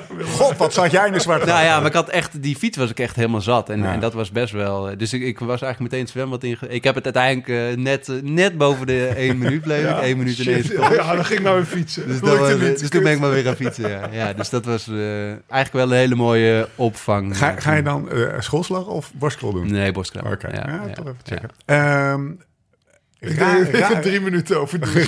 raak- ja, dat is Dus ook die denkt waar. altijd dat ik Oh, hey, als ik Het alternatief is geboren. Wou Dekker, dekker tegen Dekker- ja, hey. Nee, Nee? Thomas, als je dit hoort. De joker wordt Dat ingezet. zwemmen. Ook wordt ingezet. Ehm, eh, bijten de prestaties op de triathlon en je training voor de triathlon die op de, op de handbike? Bijt dat elkaar? De training zeker niet. Eh, anders had ik het ook niet, niet gedaan. Eh, het is soms wel een beetje creatief eh, zijn met de wedstrijdplanning. Ja. Ehm, eigenlijk Ja. het minimale bijna racen, omdat je anders in de knoop komt. Dus ik kan niet alle triathlon races rijden. En eigenlijk bij in de meeste handbike wedstrijden kan ik wel starten, internationaal gezien, maar niet allemaal. Eh, en zeker voor Tokio wordt het, een, eh, een, een, wordt het in vier dagen tijd eh, drie wedstrijden. Ja, ik wou het zeggen, op dat evenement zelf, dan gaat het ja, natuurlijk. dus daar wordt het echt... En dat is ook de uitdaging. En als, ik daar, als we daar niet in geloven, had ik ook daar de keuze wel gemaakt. Maar daar start ik dus met triathlon en één dag En welke rust. keuze heb En- je gemaakt? Nou, ja, dat vind ik dus echt heel lastig. Dat vind ik dus echt heel lastig. Ja, kijk, ik heb natuurlijk... Ik ben Wat was de Welke opties had je? Zeg maar.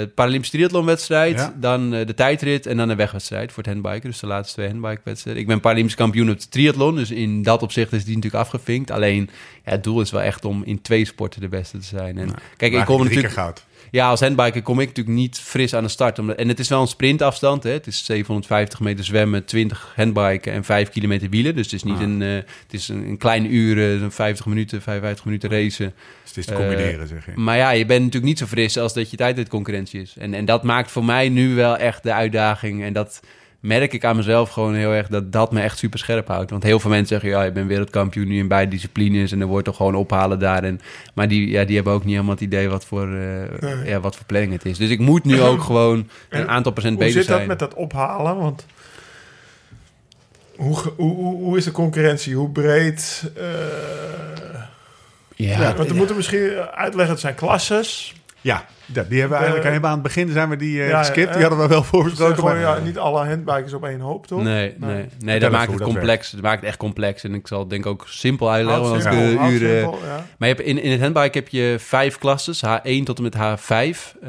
De H1 tot en met H4 eh, is liggende handbikes. Eh, en dat verschilt dan weer. De H1 heeft bijvoorbeeld ook armfunctiebeperking. H4, waar ik nu in val, eh, die heeft eigenlijk niks eh, eh, met zijn bovenlichaam, zeg maar. Dus je kan gewoon volledig inzetten. Eh, behalve de knie of de heupen. En de H5 is een kniezittende positie. Dus je zit eigenlijk op een knieën. Dus echt wel een Oh ja, ander soort ja. handbike. Kan je meer kracht zetten kan je meer vermogen leveren, in principe. Ben je natuurlijk iets minder aerodynamisch. Dus dat zijn eigenlijk de vijf klasses. In de triathlon is het eigenlijk één rolstoelklasse. Dus dat vind ik ook wel het mooie van de triathlon. Er zit wel één factor in... Eh, dat als je zeg maar echt een dwarsleesje hebt, dan heb je iets startvoordeel. Dus dan starten ze iets Ja. eerder. Eh, en uiteindelijk is wie als eerst over de streep komt. eh.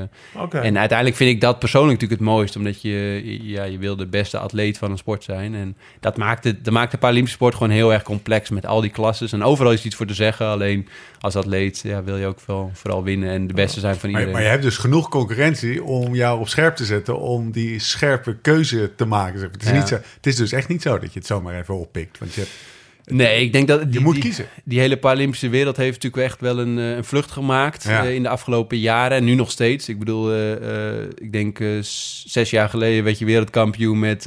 als je net 40 per uur reed. ja. Afgelopen jaar werd ik wereldkampioen met 44,5 gemiddeld. Dus die snelheden gaan... En het parcours afhankelijk, alleen...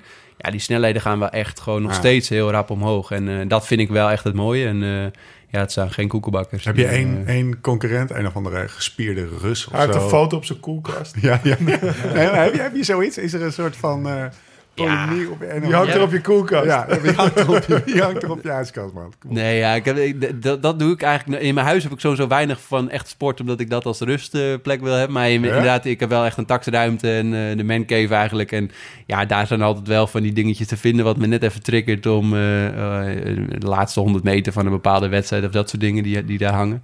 Eh, ja, en, en de concurrentie, het is eigenlijk een beetje... Ik denk dat we met een man of vijf gaan strijden om het goud in het handbiken. De triathlon, normaal gesproken, steek ik daar wel echt bovenuit. Dat, dat is altijd heel moeilijk om te zeggen, maar de afgelopen tijd is dat wel zo. Eh, bij het handbike zit het wel echt heel kort op elkaar. En Tokio wordt ook echt een zwaar parcours. En ik ben een, een zware atleet, zeg maar. En ik heb wel een paar jongens die ook gewoon echt veel lichter zijn. Die zijn dus ook veel minder gespierd, maar wegen ook een stuk zijn minder betere klimmers. zijn de betere klimmers. En, en wij rijden niet de Alpe d'Huez of dat soort klimmen, op, klimmen op. Maar, maar het Tokyo parcours heeft wel echt best wel veel hoogtemeters. Dus eh, daar gaat het ook wel tellen. Dus het wordt, eh, wordt mooi. Dat hoop ik. Train je specifiek voor dat parcours? En, en zo, ja, wat, wat, wat is dan daar, wat, in, hoe impact het je training, zeg maar? Nou, we, we zijn op verkenning al geweest. Ja? Eh, wat is het? eh, eind vorig jaar in Tokio. Dus dan weet je in ieder geval wel wat, wat het parcours is. En daar kan je dus wel op voorbereiden. Maar dan ook eigenlijk vooral op het verzet en dat soort dingen wat Ja. je daarmee wilt, eh, wilt gaan doen. Ehm, wel op gewicht gaan we letten. Dat is nu Ja, wel duidelijk geworden dat het gewoon echt ja, het is, het is niet. Ik, de- wij, ik ben, in het handbike heb je niet zoals klimmers dat wij echt op grammetjes zitten. Dat, dat, dat, dat absoluut niet. Alleen, eh, eh, ja, het is in mijn geval ook zo dat ik gewoon wel zo licht mogelijk moet. Hoe ligt het je fiets? Je fiets. Ja, 11,5, 12. Zo rond En de, die, eh, de rest kilo. ook? Dat, dat is vergelijkbaar? Of Nee, je ja, dat is voordeel? dus, die, Of- die jongens die lichter zijn, die kunnen ook een iets minder stijve fiets eh, bouwen. Dus die Ja. hebben wel een iets lichtere fiets ook, omdat die minder eh, piekvermogen ook hebben. Dus, dus kunnen ze het iets lichter maken. Eh, maar ook daar zit echt nog wel ruimte. Eh, dus daar ik ga heb- je ook schaven voor Tokio? Ja, en dat is ook veel zelf. Ik, ik word dan Ja. zelf gesponsord ook door een handbike-fabrikant in Denemarken. En, maar daar is wel de input van mij. En, en we, als deze winter ook weer in een windtunnel kunnen we testen. En ja, daar zitten we echt nog wel... Dat, dat, ook daar ben ik soms wel een beetje jaloers op het wielrennen, denk ik. Daar zijn jullie al bezig met grammetjes en dingetjes. En bij ons zijn het nog wel Ja, echt... wel kilo's af, zeg maar. Ja, ja, bijna wel. Echt stukproducten natuurlijk. Het wordt gewoon per stuk gemaakt. Ja. En het is allemaal zo custom van de verschillende lichamen die in die handbike moeten Ja. eigenlijk. Eh, dus dat is echt nog wel Is er, is er één maker, één zo'n soort Pegoretti-achtige gast ergens in een, in, het, in een of ander dal in Italië... Die, die daar de hele dag mooie frame aan het lassen is of zo? Die, Nee, ja, ik denk, ik denk Mooie dat- kleurtjes erop. vooral de kleurtjes. Vooral de kleurtjes. De Nee, Wizard. ja, er zijn een aantal merken, maar ik denk uiteindelijk dat de topatleten nog steeds ook veel zelf doen. Dus, Ja? eh, dus het frame wat ze krijgen, die krijgen ze thuis en daar gaan ze nog een beetje in fine-tunen. En eh, dat, dat vind ik ook wel weer de charme op zich een beetje van, eh, van de sport. Maar het is wel allemaal carbon. Niet allemaal, nee. Ik heb mijn hoofdframe is nog aluminium. En ook, dat komt een beetje omdat je als je carbon hebt en het licht wilt maken en stijf wilt maken, dan heb je natuurlijk mallen nodig. En een mal is pas duur. te doen als je 100.000 stuks had maken. ja, ja. Eh, dus dat is... eh, Dus ben er zijn... uitboren? Zoals, eh, Ja, ja. Nee, ja. Nee, het het uitboren... Campagnolo zet je liggen. Ja. Nee, ja, wel qua groepen. Kijk, uiteindelijk Ja. heb ik ook gewoon derieurs en alles van, van, van racefietsen. Dus daar kan je wel gewoon natuurlijk mee, mee knutselen. En ook met wielen. Ehm, maar uiteindelijk in mijn geval, ik, ik moet ook echt gewoon een stijf frame zelf, hè? hebben. Ja, wel. Het, het- ja, ik doe het, het, het kitten van de tubes als ik niet tubeless rij. En, eh, en het wielenspaken, dat doe ik niet zelf. Maar verder alles. Jezus, Ja. technische opleiding ook. dus, Ja, eh, ja. Ja, nee, ik vind dat ook wel mooi. En dat is voor mij ook wel een, eh, een rust, rustmomentje eigenlijk. Lekker eh sleutellijnfiets. Is dat een voorsprong op je concurrenten? Op, op je concurrenten, dat je dat kan? Nou, En wel als je unbout moet rijden en je zelf, alles ja, ja. moet eh, een vervangen. paar daagse koers. dan, Ja. Hij heeft eventjes twee centimeter meer clearance nodig. Ja. Nee, ja, ik denk alle de, de atleten waar ik nu tegen Ja? race, en die, die weten dat ook wel. Die zijn ook niet gek. En anders hebben ze wel iemand om zich heen die het ook heel goed weten. Dus Hoeveel, hoeveel kilo wil jij nog kwijt dan? Gewoon je lichaam. Dus even niet je fiets, nu je lichaam. nee, ik kan niet heel veel kwijt. Nee? Omdat ik, eh, het- het- ik denk, dat, eh, mijn wedstrijd, ik zit nu een beetje 72. Ik, ben, ik moet 71, wil 71 zijn eh, voor Tokio. Eh, dus dat kilootje. En dat is eh, voor na. Ik moet eh, de hele winter in Nederland trainen. Dus ik moet nog een beetje fit blijven. en dan ja, zijn we... Wat ben je eigenlijk, wat ben je eigenlijk voor trainer? Ben jij een, een ik heb een schema en daar wijk ik niet vanaf trainer? Ja, Ja. Dacht ik wel, ja, ja. Ja. Dit is leuk. Ja, ik ben wel echt... ik, hou, ik hou van blokjes. En, Ja? ja, ja, ja, ja. Even voor, voor mijn beeld, hoeveel uur train je per week? Beetje tussen de, ja, heel wisselend, maar tussen de 15 en 25. Eh, en als ik op trainingskamp ben, is het eh, ja, tussen de 25 en 30. Maar als ik in Nederland ben, is het eh, zo ongeveer dat. En ja, dat ligt echt ook aan die schouders. Op een gegeven moment Ja. kan je wel meer gaan trainen, maar word je niet echt veel beter. Ga je altijd trainen ergens waar ook een zwembad is? Eh, trainingskamp waar ja, trainingskamp zwembad wel. Ja, ja. Ja. op hoogte in Livigno daar hebben ze ook gewoon een faciliteit voor het zwemmen. Eh, in dit, begin dit jaar was ik mee eh, met de triathlon, Olympische triathlon selectie met Louis. eh, Ja. Namibië. En, en daar was ik dus met de triathlon selectie ook mee. Fietste ik iets meer daarbij, maar, eh, maar, maar eh, deden we verder, eh, kon ik ook met hun was mee een mooi zwembad daar, volgens mij. Ja, zo open. Kamp. Kampenaars, ja. Ja, ja, ook die was er ook. Die Ja, was reed, er ook? die reed heel de dag eh, door die eindeloze wegen op en neer. Ja. Maar. ja die was er ook. Die ook zat nog, daar op eh, hoogte wel zo'n- blokjes, man. ja, drie, drie maanden of zo zat hij daar. eh. Ja, dat was nog na zijn werelduurrecord volgens mij. Maar Ja, is daarvoor heeft hij van er ook al gezeten, Ja, volgens mij. ja, ja. Ja. Toen hij zijn community om zich heen eh Ja, ontwikkeld. ja, ja, die kent echt heel een soort veel. Ja, ja. Maar Louis wilde we ook nog in de podcast. Dat is Ja. een keer niet doorgegaan, want Iemand had een hernia. die had een hernia. Eh, dus die gaan, we, die gaan we nog een keer Ja. hebben. Maar eh, jij traint ook bij Louis mee, hè? Dus dan ga je gewoon met de valide triatleten, neemt hij je mee. Ja, naar, ik word eh, niet door, door Louis getraind, door Guido Vroemen. Alleen Ja. ik ben dit jaar mocht ik inderdaad aansluiten als, als Paralympiatleet, om het zo maar te zeggen, bij hun. En dat was Ja. natuurlijk voor mij ook mooi. Zeker ook met, met zwemniveau is dat goed voor mij. Die jongens zwemmen, jongens en meiden zwemmen Wat- meestal harder dan ik. En dan ben jij met die gasten op trainingskamp. En dan, hoe werkt dat in je hoofd? Dan Ga je, ga je dan met een notitieblokje alleen maar observeren wat iedereen doet? En leer, leer je daar dan dingen van, specifiek? Of hoe werkt dat? Nou, ik vind het sowieso altijd wel echt mooi om met verschillende atleten op trainingstage te zijn, omdat je zoveel verschillende personen heb- hebt, zeg maar. En Ja. iedereen pakt het heel anders aan. Eh, dus van iedereen, ik, denk- ik ben altijd wel van overtuigd dat je van iedereen iets kan leren, dus dat zeker. Alleen voor mij is het ook vooral het niveau van trainen. Dat je gewoon onder atleten bent die gewoon beter willen worden, die zich eh, serieus aan het voorbereiden zijn op een niveau. Dat je met elkaar met een doel bezig bent. Een beetje, ik denk zoals een wielerploeg, eh, als je met de ploeg op trainingskamp Ja. gaat. Kijk, ik ben natuurlijk een eenmansploeg, eh, dus ik zoek wel de mensen om me heen. Maar uiteindelijk wil je met topatleten werken, zeg maar, want daar word je zelf ook beter Ja. van. Dus dat was voor mij echt mooi om, om Dus het is sowieso leuk om, of, en, en goed voor jezelf om met een, met een groep de hort op te zijn, zeg Ja. maar. Dat stimuleert Vind je dat lekker, ja? Dat je toch ook een groeps... Zeg maar buiten trainen, maar gewoon, weet ik veel, ouwe hoer aan tafel. Dat soort dingen. Als je een eenmansploeg bent. Ja, op momenten en je, wel. En je neemt je begeleiding niet mee, zei je net. Want Ja. dat is budget niet voor, zeg maar. Nee. Nou ja, heel wisselend. Ik, ik kan ook prima... eh, eh, maar bijvoorbeeld inderdaad als je op hoogte gaat of zo... Dan ga, ik, ik ga niet zo snel alleen een huisje huren en daar zitten. Omdat ik, vind, ik train wel vaak alleen. Dus ook op de fiets alleen. Maar ik vind het wel lekker dat je dan eh, met elkaar even kunt eten... of even koffie kan halen ergens of zoiets. Ja. Eh, kijk, zeker bergop eh, ga ik gewoon langzamer dan wielrenners. Dus dan, kan je, dan is het samen trainen gewoon niet altijd handig. Alleen juist die momenten daaromheen, wat je beleefd hebt die dag, eh, Ja. dat je dingen delen, dat vind ik altijd wel mooi met, met anderen. Ja. En, en puur qua zeg maar, trainingsaanpak en, en duur van blokjes en weet je wel, hoe intens en hoeveel eh, de rustige duur en zo. Is dat te vergelijken als je dan een beetje bij die gasten afkijkt? Eh, met de triathlon wel redelijk, denk Ja? ik. Alleen dat de triathlon, de echte triatleten nog meer focus leggen ook op het zwemmen. Ehm, En bij mij, als ik zes, zeven keer in de week ga zwemmen, dan kom ik met de handbike niet meer vooruit. Dus ik zwem altijd iets minder, eh, omdat ik dan ook kwaliteit in het Hoe handbiken nog komt kan het dat je stoppen. dan niet meer vooruit komt? Ja, ik, ik zwem met mijn schouders en ik fiets met Ja. mijn schouders. En, eh, en die triatleten zwemmen natuurlijk met hun schouders. Ja. En, En die lopen lopen ze, met hun benen Ja. of eh, fietsen met hun benen.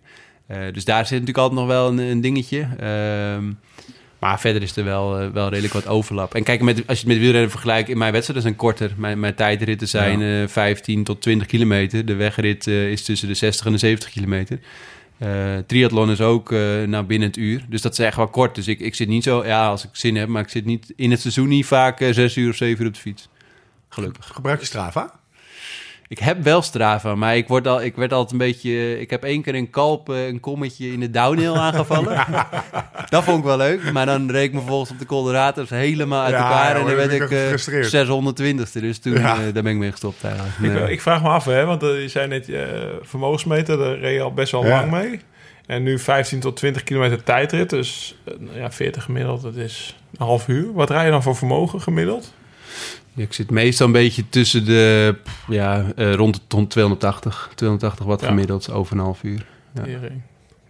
Ja, maar dat, dat is... Dat is Steve. Ja, nee, maar dat is Ja. gewoon eh, over een half uur. Ja. Dat is gewoon Ja. eh, jouw armen doen wat. Dat is je, Maar- on- ja, de, je FTP zou, eh, ja, dat is dan misschien een uur, maar... Ja, dat is, ja, dat is even iets, iets ronder er natuurlijk. iets maar, onder, maar- ja. ja, ik deed de, de coronatijd, de competitie heb ik hier met mijn broer in Zuid-Schermen gedaan. Alle wedstrijden werden natuurlijk gecanceld. En eh, mijn broer is gewoon eh, ja, ook een- goede wielrenner. Geen prof, geen, rijdt Ja. niet veel koers, maar wel een goede tijdrijder. En gingen we achter elkaar. Hij, Guido berekende dan altijd het ongeveer het verschil met best bike split. Startte die 30, 35 seconden achter mij. Als hij mij inhaalde, won hij en als ik achter Ja, hem. dat is een Dus, eh, handicap race. ja, dus dat was best wel tof. Dus op die manier, eh, ja, en, en daar wa- was ik altijd wel mijn vermogens aan het eh, Ja, pushen. ja. Kan Tokio jouw eerste wedstrijd van het jaar worden? Ja. Vroeg ik me af. Ja, laten we het hopen van niet. Ik, Nee, ik, ik vind het altijd wel... eh, Ja, het zou kunnen. Eh, ik hoop, ik, aan de ene kant hoop ik het niet. Aan de andere kant is het ook een teken dat Tokio 100% doorgaat. Dus dan uh, teken ik ervoor. Maar in principe hebben we wel... Ja, net als veel. We hebben wel weer redelijk wat wedstrijden op de kalender staan. Eh, maar goed, die worden natuurlijk vaak net zo hard weer afgestreept. Ehm, ik, het zou kunnen. Hoeveel en, heb je er in een normaal, zeg maar, hoeveel had je ervoor, nou ja, als je 2020 een normaal jaar geweest zou zijn, Tokio of eh, is eind augustus, of eh, in augustus voor de, voor de Paralympiërs, Ja. denk ik. Hoeveel wedstrijden rij je van tevoren? Hoe gaat zo'n voorbereiding? Ja, een stuk of twintig denk ik of zo. Ik begin in maart, april en dan vaak relatief veel wedstrijden. Omdat je dan ook, eh, nou ja, dit jaar bijvoorbeeld was ik januari, februari op hoogte. Eh, aantal wedstrijden, dan vaak nog een trainingskamp van een week of drie. Dan weer een blok met ook wereldbekers in april, mei. Ja. Eh, dus dat is echt wel een belangrijk... en moet je dan eh, punt halen? Moet je nog plaatsen? Of is dat geregeld ja, dat is al? nu alweer een beetje wat waziger allemaal. Omdat het nog niet helemaal afgedicht is. Omdat er ook nog niet zeker is welke wedstrijden er nog zijn. Eh, ik stond er heel goed voor qua kwalificatie. Maar ik was nog niet officieel gekwalificeerd voor Nee? beide sporten.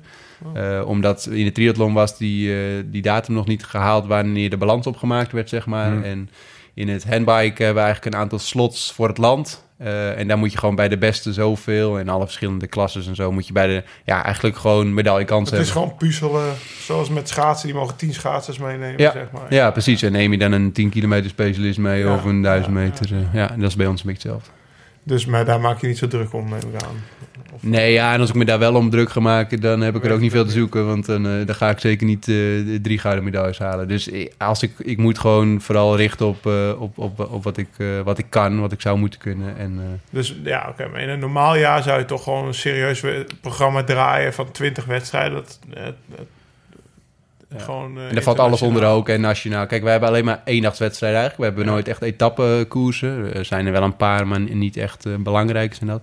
Eh, maar ik, ik vind het altijd wel, zowel nationaal als... eh, en, en dan valt er ook wel eens gewoon een tijdritje hier in de polder bij wijze van... Doe je ook, start je ook wel eens mee als dat goed in de Ja. voorbereiding uitkomt... om gewoon het hele protocol weer even door te lopen. Eh, maar ik probeer altijd wel in een Paralympisch jaar niet alles alleen maar op de Spelen te doen. En niet omdat het dat niet mijn absoluut hoogtepunt zou moeten worden. Want dat is op zich wel zo. Alleen je hebt ook gewoon wel die wedstrijden nodig. Ik vind het wel Ja. heel fijn om gewoon in dat ritme te zitten. En eh, Ja, dat je iedere wedstrijd weer een ja, niet dat je zeven maanden lang alleen maar een trainer bent... en dan in één keer in Tokio er moet staan. Moet dat gebeuren, toch, nee, ja, dat is toch niet Hoe voelde het toen Tokio niet doorging? Toen dat bekend werd? Ja, eh, ja kloten natuurlijk. Dat, uiteindelijk komt het daar wel op neer. Ik, ik- we zaten in Namibië en toen eh, was dat virus al wel een beetje bekend rondom China en zo. En toen ik zat met Jorik op de kamer en die was elke ochtend als we wakker werden de stati- statistieken aan het doorgeven hoeveel. En ik lachte hem elke keer uit. Ja, doe nou maar normaal, het komt allemaal goed. En het gaat allemaal toch wel door. Nou ja, toen kwam ik terug en toen zou ik eigenlijk in Abu Dhabi of zo de eerste wedstrijd. Die werd eruit gehaald en toen dacht ik al van oké, dit wordt wel serieus. Ja, en toen niet heel veel later viel alles ongeveer uit. En, en ook de spelen. Ja, weet je, ik ben al heel blij dat het ik- uitgesteld is. Ik zie jou echt wel als iemand die wil winnen en dan valt zijn doel weg. Eh, wat ben je gaan doen? Ben je, ben je Ehm, gaan doortrainen? Ben je juist eh, twee maanden niks gaan doen? Ben je gaan eh, motocrossen, wat een hobby van je is? Ja. Ja, ik Ben je ook. gaan zuipen? over Ben je gaan... Ja. ja. Nee, weet ik ook. Maar ik, heb, ik moet zeggen, ik heb niet echt een dip gehad. Ik ben eigenlijk meteen... En daar daar verbaasde ik me nog over hoeveel wegen ik toch wel in een relatief grote cirkel om mijn huis ik nog niet echt kende. Ik, ik koos toch vaak de intervalwegjes op waar ik gewoon geen verkeer had en lekker door kon rijden. Nu ging ik gewoon eh, van tevoren even uittekenen of... eh, ja, en ook eens langer. Kijk, ik train niet zo heel vaak langer dan 100 kilometer, omdat het gewoon niet zo heel veel toevoegt. Maar dat deed ik toen wel. En ja, ik had er best wel lol in eigenlijk. Alleen, ja, ik ben wel een wedstrijdrijder uiteindelijk. En ik, ik, train, ik train omdat ik fietsen leuk vind, maar ik train ook wel omdat ik wedstrijden wil winnen. En, eh, maar ik heb wel, ik, ik heb eigenlijk eh, niet een aantal dagen niet getraind, omdat ik, ja, ik ging gewoon wel de knop om. Tokio gaat niet door. Eh, met mijn broer eigenlijk meteen, eh, eh, nou ja, een beetje contact gehad van, joh, hij, hij, hij had natuurlijk ook normaal tijdritjes, eh, ook wel zin in een wedstrijdje. En eh, ja, wie, is een wie is een betere concurrent dan je broer? Dus eh, we hebben elkaar even naar de kloten gereden. En eh, ja, dat was best wel mooi eigenlijk. Ja. Hoe verhoudt de Olympische Spelen zich tot de Ironman? Ja, ik denk, ve- veel mensen vragen dat ook. Een, een, ik denk de Ironman is nog wel de mooiste herinnering tot nu toe. En ik denk dat die bijna wel boven de Spelen staat. En dat is best wel Ja. apart, omdat... eh, ja, je, je bereidt je heel lang voor naar de Spelen en dat is het moment. Alleen eh, de Ironman 2017, dat, toen heb ik meegedaan, gekwalificeerd in Luxemburg. Dat was dus eigenlijk een beetje een jaar waar er wat ruimte ontstond van even de druk eraf. En, eh, De Ja, Ironman op Hawaii, hè? Da- over. ja, dat is de wereldkampioenschap Ja, ja, Ironman. ja. Moet je voor kwalificeren. Ehm aan doen Ja, ook een aantal... heilige graal de triathlon. Ja, dat is eigenlijk gewoon de, waar het ook ontstaan is. En Ja. eh, de klassieke afstand. Eh, en ik wilde, dat is eigenlijk een beetje een bucketlist dingetje. Wat ik gewoon Ja. eens wilde doen. Eh, wel serieus voorbereiden. Ik heb ook nog wel gewoon daarvoor kortere wedstrijden gereden. Dus het is niet dat ik het hele jaar ervoor voorbereid heb. Alleen, eh, ja, ik wilde het gewoon meemaken en, en gedaan hebben. En eh, ja, het was wel bizar. Ja, het is voor mij een hele lange wedstrijd natuurlijk. Veel langer dan alle anderen. En ja, dat is Hoe wel... lang? Eh, nou, in, qua tijd was het voor mij 8 uur 41 minuten. Eh, ja, 3,8 kilometer zwemmen, 180 fietsen en eh, marathon eh, wielen voor me. Ja, het is gewoon, het is gewoon de, de, de- we hebben het niet over een Olympische, het is gewoon de volledige, Ja, Ja, ja. de hold je bang. ook voor, ook, En ook de voor jou. de, de, snel, de, de, de, de valide mannen, de, Dat jaar, eh, volgens mij. 8 uur en 5 minuten of zo. Zit je heel kort aan. Ja, Die belt ja ik werd weer. 26 ik las dat je het jammer vond dat je eh, achteraan moest starten. Of Ja, kijk, het is altijd... eh, kijk, Ja. Ik als atleet vind ik natuurlijk... Ik vind het mooi om... eh, Dat, daarom race ik ook af en toe tegen mijn broer. Het is totaal niet te vergelijken een handbike en een racefiets. Dat is in de triathlon natuurlijk een beetje hetzelfde. Een handbike, eh, wielen in plaats van lopen. Alleen ik vind het mooi om tegen de beste atleten van de wereld te, te starten. Ehm, daar heb je de profs, dan de, de mannenprofs, de vrouwenprofs... dan de vrouwen en de mannen age group. En wij starten eigenlijk met de laatste wave met de vrouwen age group mee... Ehm, wat natuurlijk nog steeds gaaf is, want die start nog steeds met eh 800 tegelijk of zo in het water, in de zee. eh. maar ja, ik had het natuurlijk op zich wel stiekem heel vet gevonden als ik gewoon met de profs. Ik, ik zwem niet per se heel veel langzamer. Eh, met fietsen zal ik echt wel tijd verliezen. Volgens met het wielen haal je weer wat in. Ja, het leek mij wel heel Ja, vet om ja. natuurlijk daarmee te starten. Maar Maar oké, dan eventjes eh, even kijken hoe, je, hoe jij dat soort dingen oppakt. Jij bent best wel een naam in het wereldje. Zo maar even te zeggen, ook internationaal. ja, ja. Da- kan je daar zelf niet een rol in spelen om te zorgen dat dat, eh, dat, dat gebeurt? Dat je gewoon de positie krijgt die je vindt dat je verdient? Nou, ik, Of is dat het niet echt? Uiteindelijk is, is Ironman zelf, de organisatie, nog steeds gewoon heel commercieel. En die zitten er, om heel eerlijk te zijn, niet op te wachten dat een rolstoelatleet daar... Stel dat, ik, ik heb nu nog geen snelle tijd, maar stel dat ik daar als eerste over de finish zou Ah, komen... ja, dat, daar zitten ze niet echt op te wachten. En dat snap ik op zich ook, want het is natuurlijk niet te vergelijken. Eh, ik ben er ook niet op tegen. Er zijn natuurlijk al heel vaak eh, dat, dat die blade runners met protheses... met Ja. Olympische Spelen mee mogen doen. Ja, dat vind ik ook een beetje bullshit. Want Ja. uiteindelijk zijn het wel andere sporten. Hoe, Ja. hoe mooi ik het persoonlijk ook zou vinden, hoor. Ik wil uiteindelijk tegen de... Maar het is gewoon een andere sport. En, eh, maar goed, het lijkt me wel- natuurlijk, het lijkt me wel heel gaaf om dat nog een keer voor elkaar te krijgen. Maar ja, misschien moet je dat ook gewoon. Kijk, ik, ik was nu ook gewoon wel trots of vond ik het gaaf dat ik 26e overal was qua tijd. En dat kan je nog steeds niet één op één vergelijken, maar dat, is, dat zegt mensen best al wel wat. En eh, ja, dus ik, ik vond het sowieso gewoon gaaf om mee te doen. En ik, ik weet niet of ik het ooit nog een keer ga doen, maar dit was in ieder geval super gaaf. Ja. En in het algemeen pak je ook. ehm, nee, ben je op dat punt in je carrière aanbeland dat je ook naast het fietsen taken in je sport oppakt, doet? Je, zoals Marianne Vos, weet je wel, die, die ging cheffen dat er in Parijs eh, gewoon eh, voor de laatste rit een eh La Course kwam. Bijvoorbeeld. Is, dat, is dat iets waar, jij, waar, jij, waar jouw ambities liggen? Of focus je volledig op sporten nog? Internationaal nog niet echt. Nationaal ben ik op zich wel. Ook met talenten helpen waar kan. meer op dat level, zeg maar. Ik merk wel aan mezelf dat ik nog heel erg echt de focus op Tokio heb. Ja. Dat ik al wel best wel wat plannetjes heb klaar liggen bij wijze van eh, om, om op te pakken. Omdat ik, ik wil nog wel door naar Tokio, maar wel op een iets andere manier. Dus al wel een klein beetje, niet helemaal eh, alleen maar met sport bezig zijn, maar wel eh, een, een bewijs van een dag in de week iets anders ernaast te gaan doen. Met bijvoorbeeld talenten of juist met een bedrijf of dat soort dingen. Ik merk nu wel dat de focus nog heel erg op Tokio Ja. zit, omdat ik mezelf ook niet in de spiegel aan zou kijken als ik straks eh, net tweede word en weet waar het zat. Ja. Weet eh, dat ik bijvoorbeeld één dag in de week Ja. iets anders aan het doen was en niet heb kunnen rusten of een training heb kunnen doen. Dus dat, dat merk ik nog wel erg. Ja, Je hebt echt die oogkleppen echt nog wel op.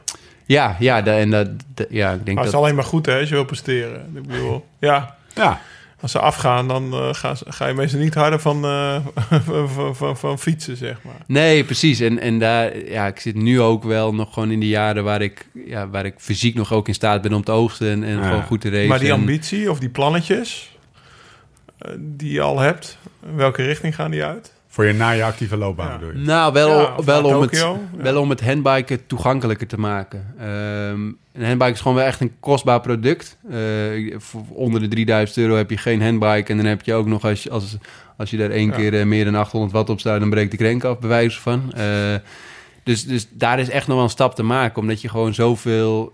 eh, ik ontmoet best wel veel mensen in revalidatiecentra... die gewoon dwars lezen van een ongeluk of een ziekte of wat dan ook.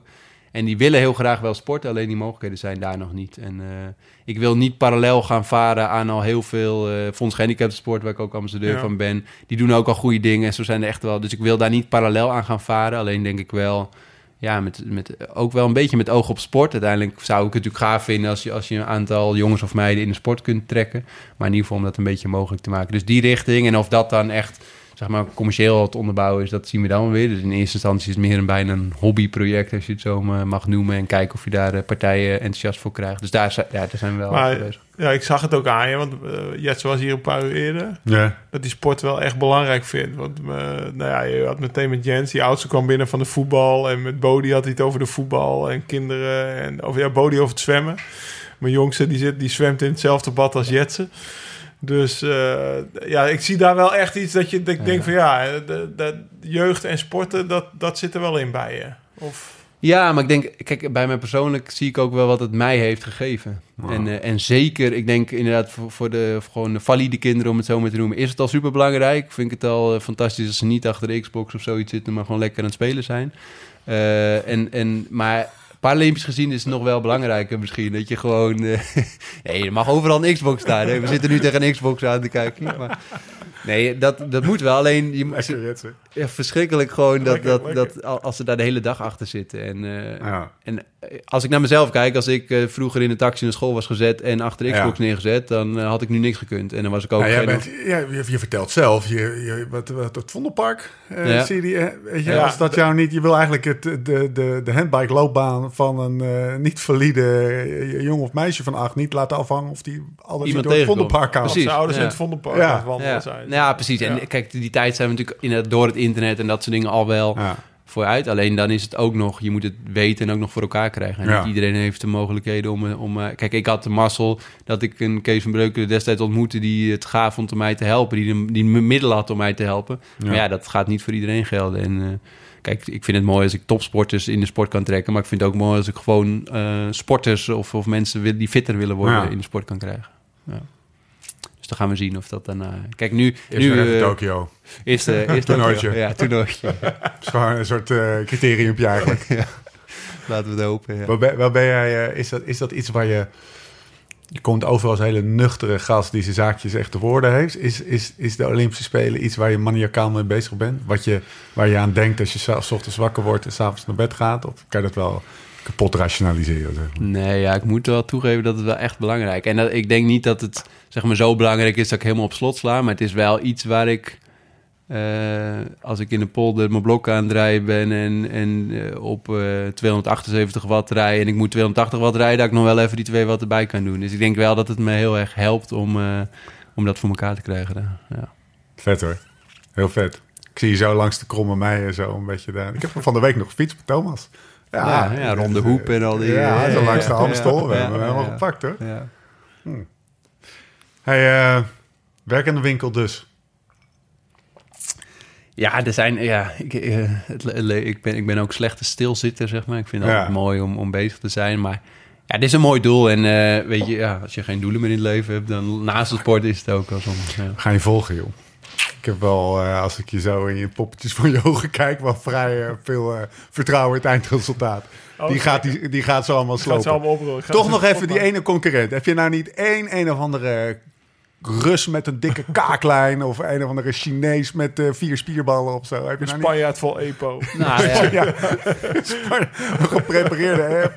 eh, wel, eh, ja, en, en, en, ik was in Livigno dit jaar en ik kwam wel net even terug van de blessure. Dus indek BV. Maar Ja, ik werd er ja. wel, toen had ik met hem afgesproken, oh, een Oostenrijkse Tom- Thomas Fruit. Oostenrijks. Ja, die zijn Toen. Weet Toen ben ik er wel bergaf even afgereden. Dus in dat opzicht eh, ja, is dat wel een van de mannen die ik wel in de gaten moet houden. Hoe heet die? Ja. Die gaan we pakken. Thomas Fruit. We gaan hem googlen, een Thomas. vrienden. Die gaan we pakken.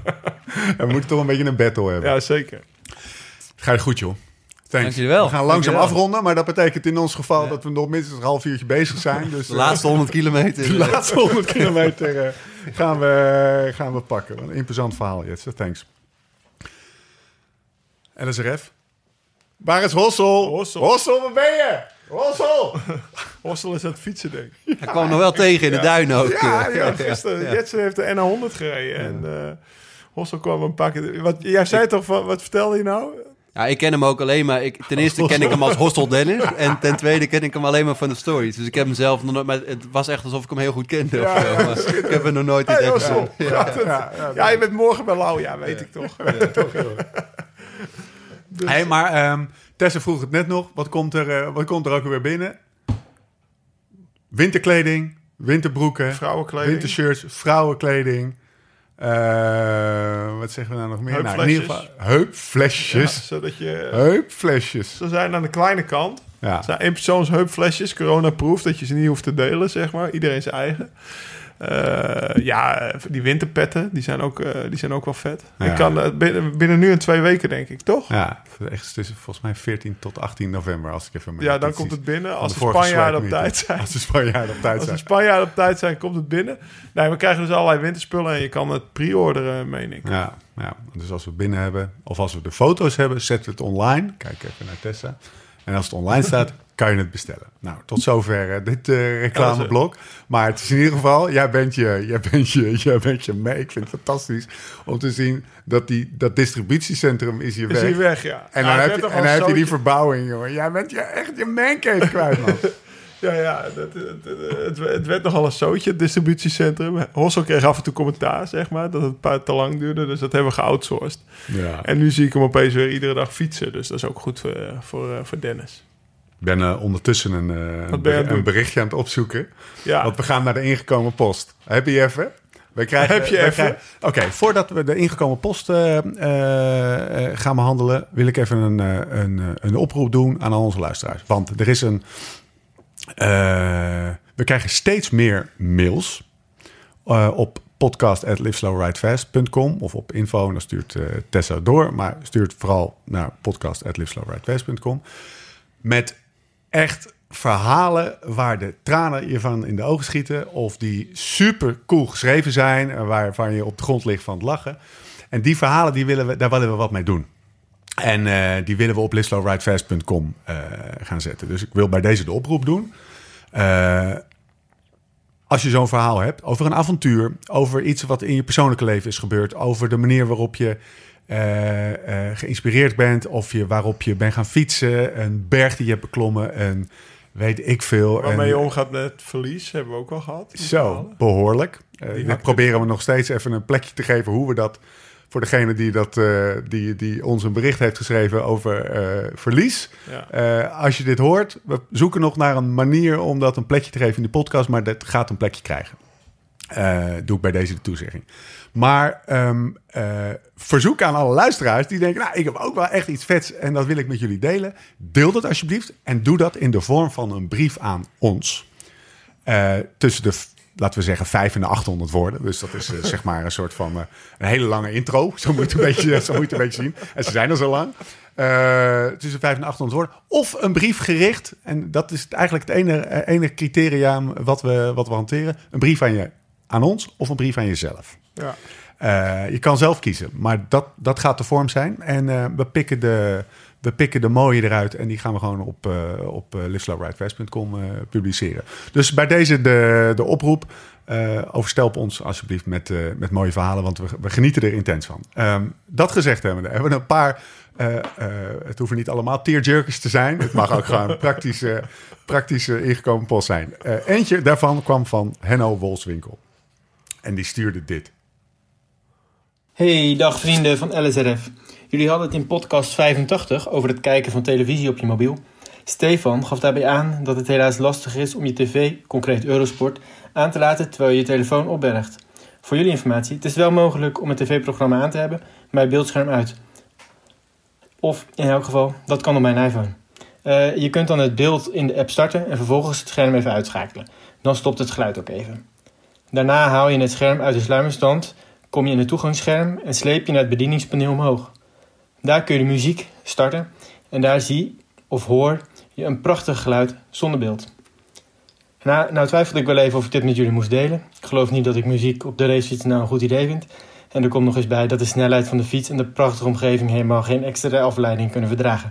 Maar goed, omdat jullie dat lekker zelf moeten weten en omdat je dit op andere momenten kunt gebruiken, bij deze. En uh, dit trucje werkt dus ook als je in een andere app open hebt, terwijl je Eurosport het geluid laat afspreken.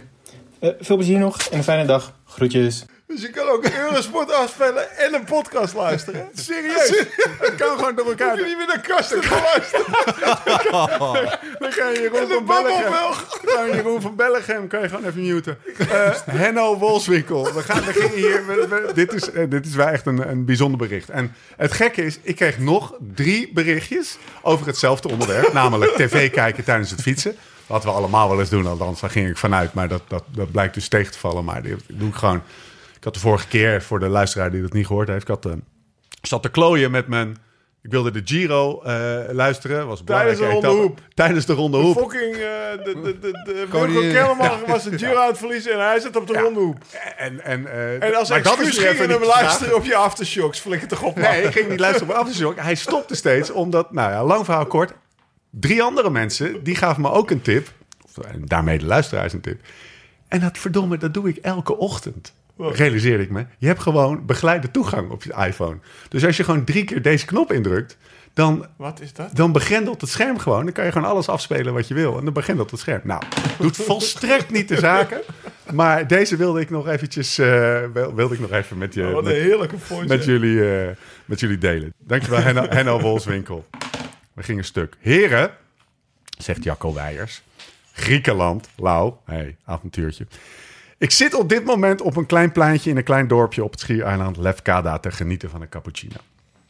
En terwijl ik de afgelopen twee uur de lokale kolletjes heb bedwongen en uiteraard naar de podcast luisterde, bekroop me een enkele gedachte. Hier zou jullie fietstrip naartoe moeten gaan. Ik ben hier zelf ook maar verzeld geraakt. In plaats van een Griekse cappuccino had ik nu aan een Thaise curry moeten zitten. Maar ja, corona.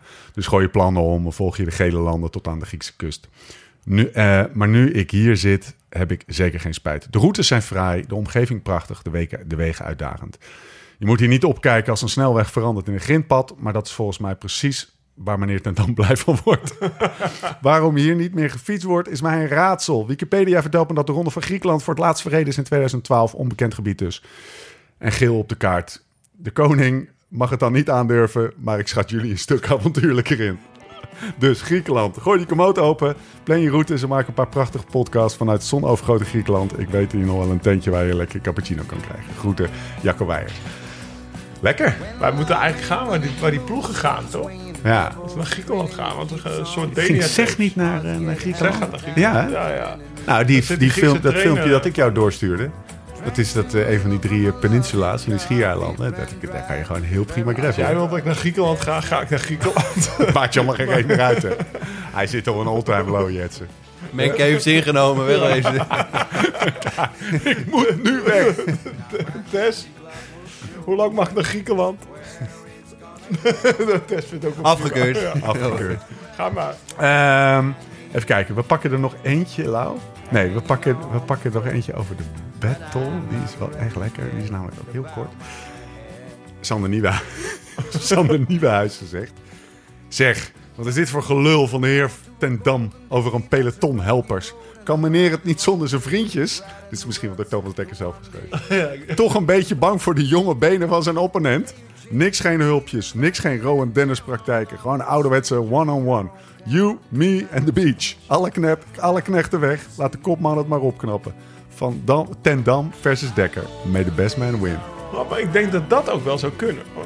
Gewoon één op één. Ja, zeker. Ik denk, Thomas die moet natuurlijk het we hebben van een beetje plakken in het wiel. En dan het sprintje winnen, zeg maar. Ja. Als het dan een tijdrit wordt, dan kan dat wel. 50 kilometer. Ja, maar... Drie, drie weekse ronde. Kom- Komt wel goed. Oké, jongens, Komt jongens. We gaan, eh, we gaan echt afronden. Wanneer zijn we er weer? Volgens mij hebben we niks gepland. Nee, hè? Nee. nee. Nou, vanaf Griekenland misschien? er, is, er is niks gepland. Nee, we zijn even, even uit de lucht. Maar we hebben er ook al bijna 40 gemaakt volgens mij dit jaar. Dus eh, We, we- dat is gewoon de boodschap. We weten niet. We weten zijn, Maar we gaan er wel weer zijn. We zien elkaar regelmatig. Dus eh, we, we gaan er wel weer ergens eh, zijn. Corona voor lente. Jetsen, nogmaals dank. Graag We gaan- gedaan. We gaan je in de gaten houden. Gast erop. Gas erop. Doe hem in de, hand- in de lucht doe ik drie, drie. Maar ik weet het. Succes man. Thanks. Thanks. We zijn er doorheen. Aflevering 87. Tot de volgende keer. Hoe dan ook, waar dan ook. En voor de tussentijd. live slow, ride fast.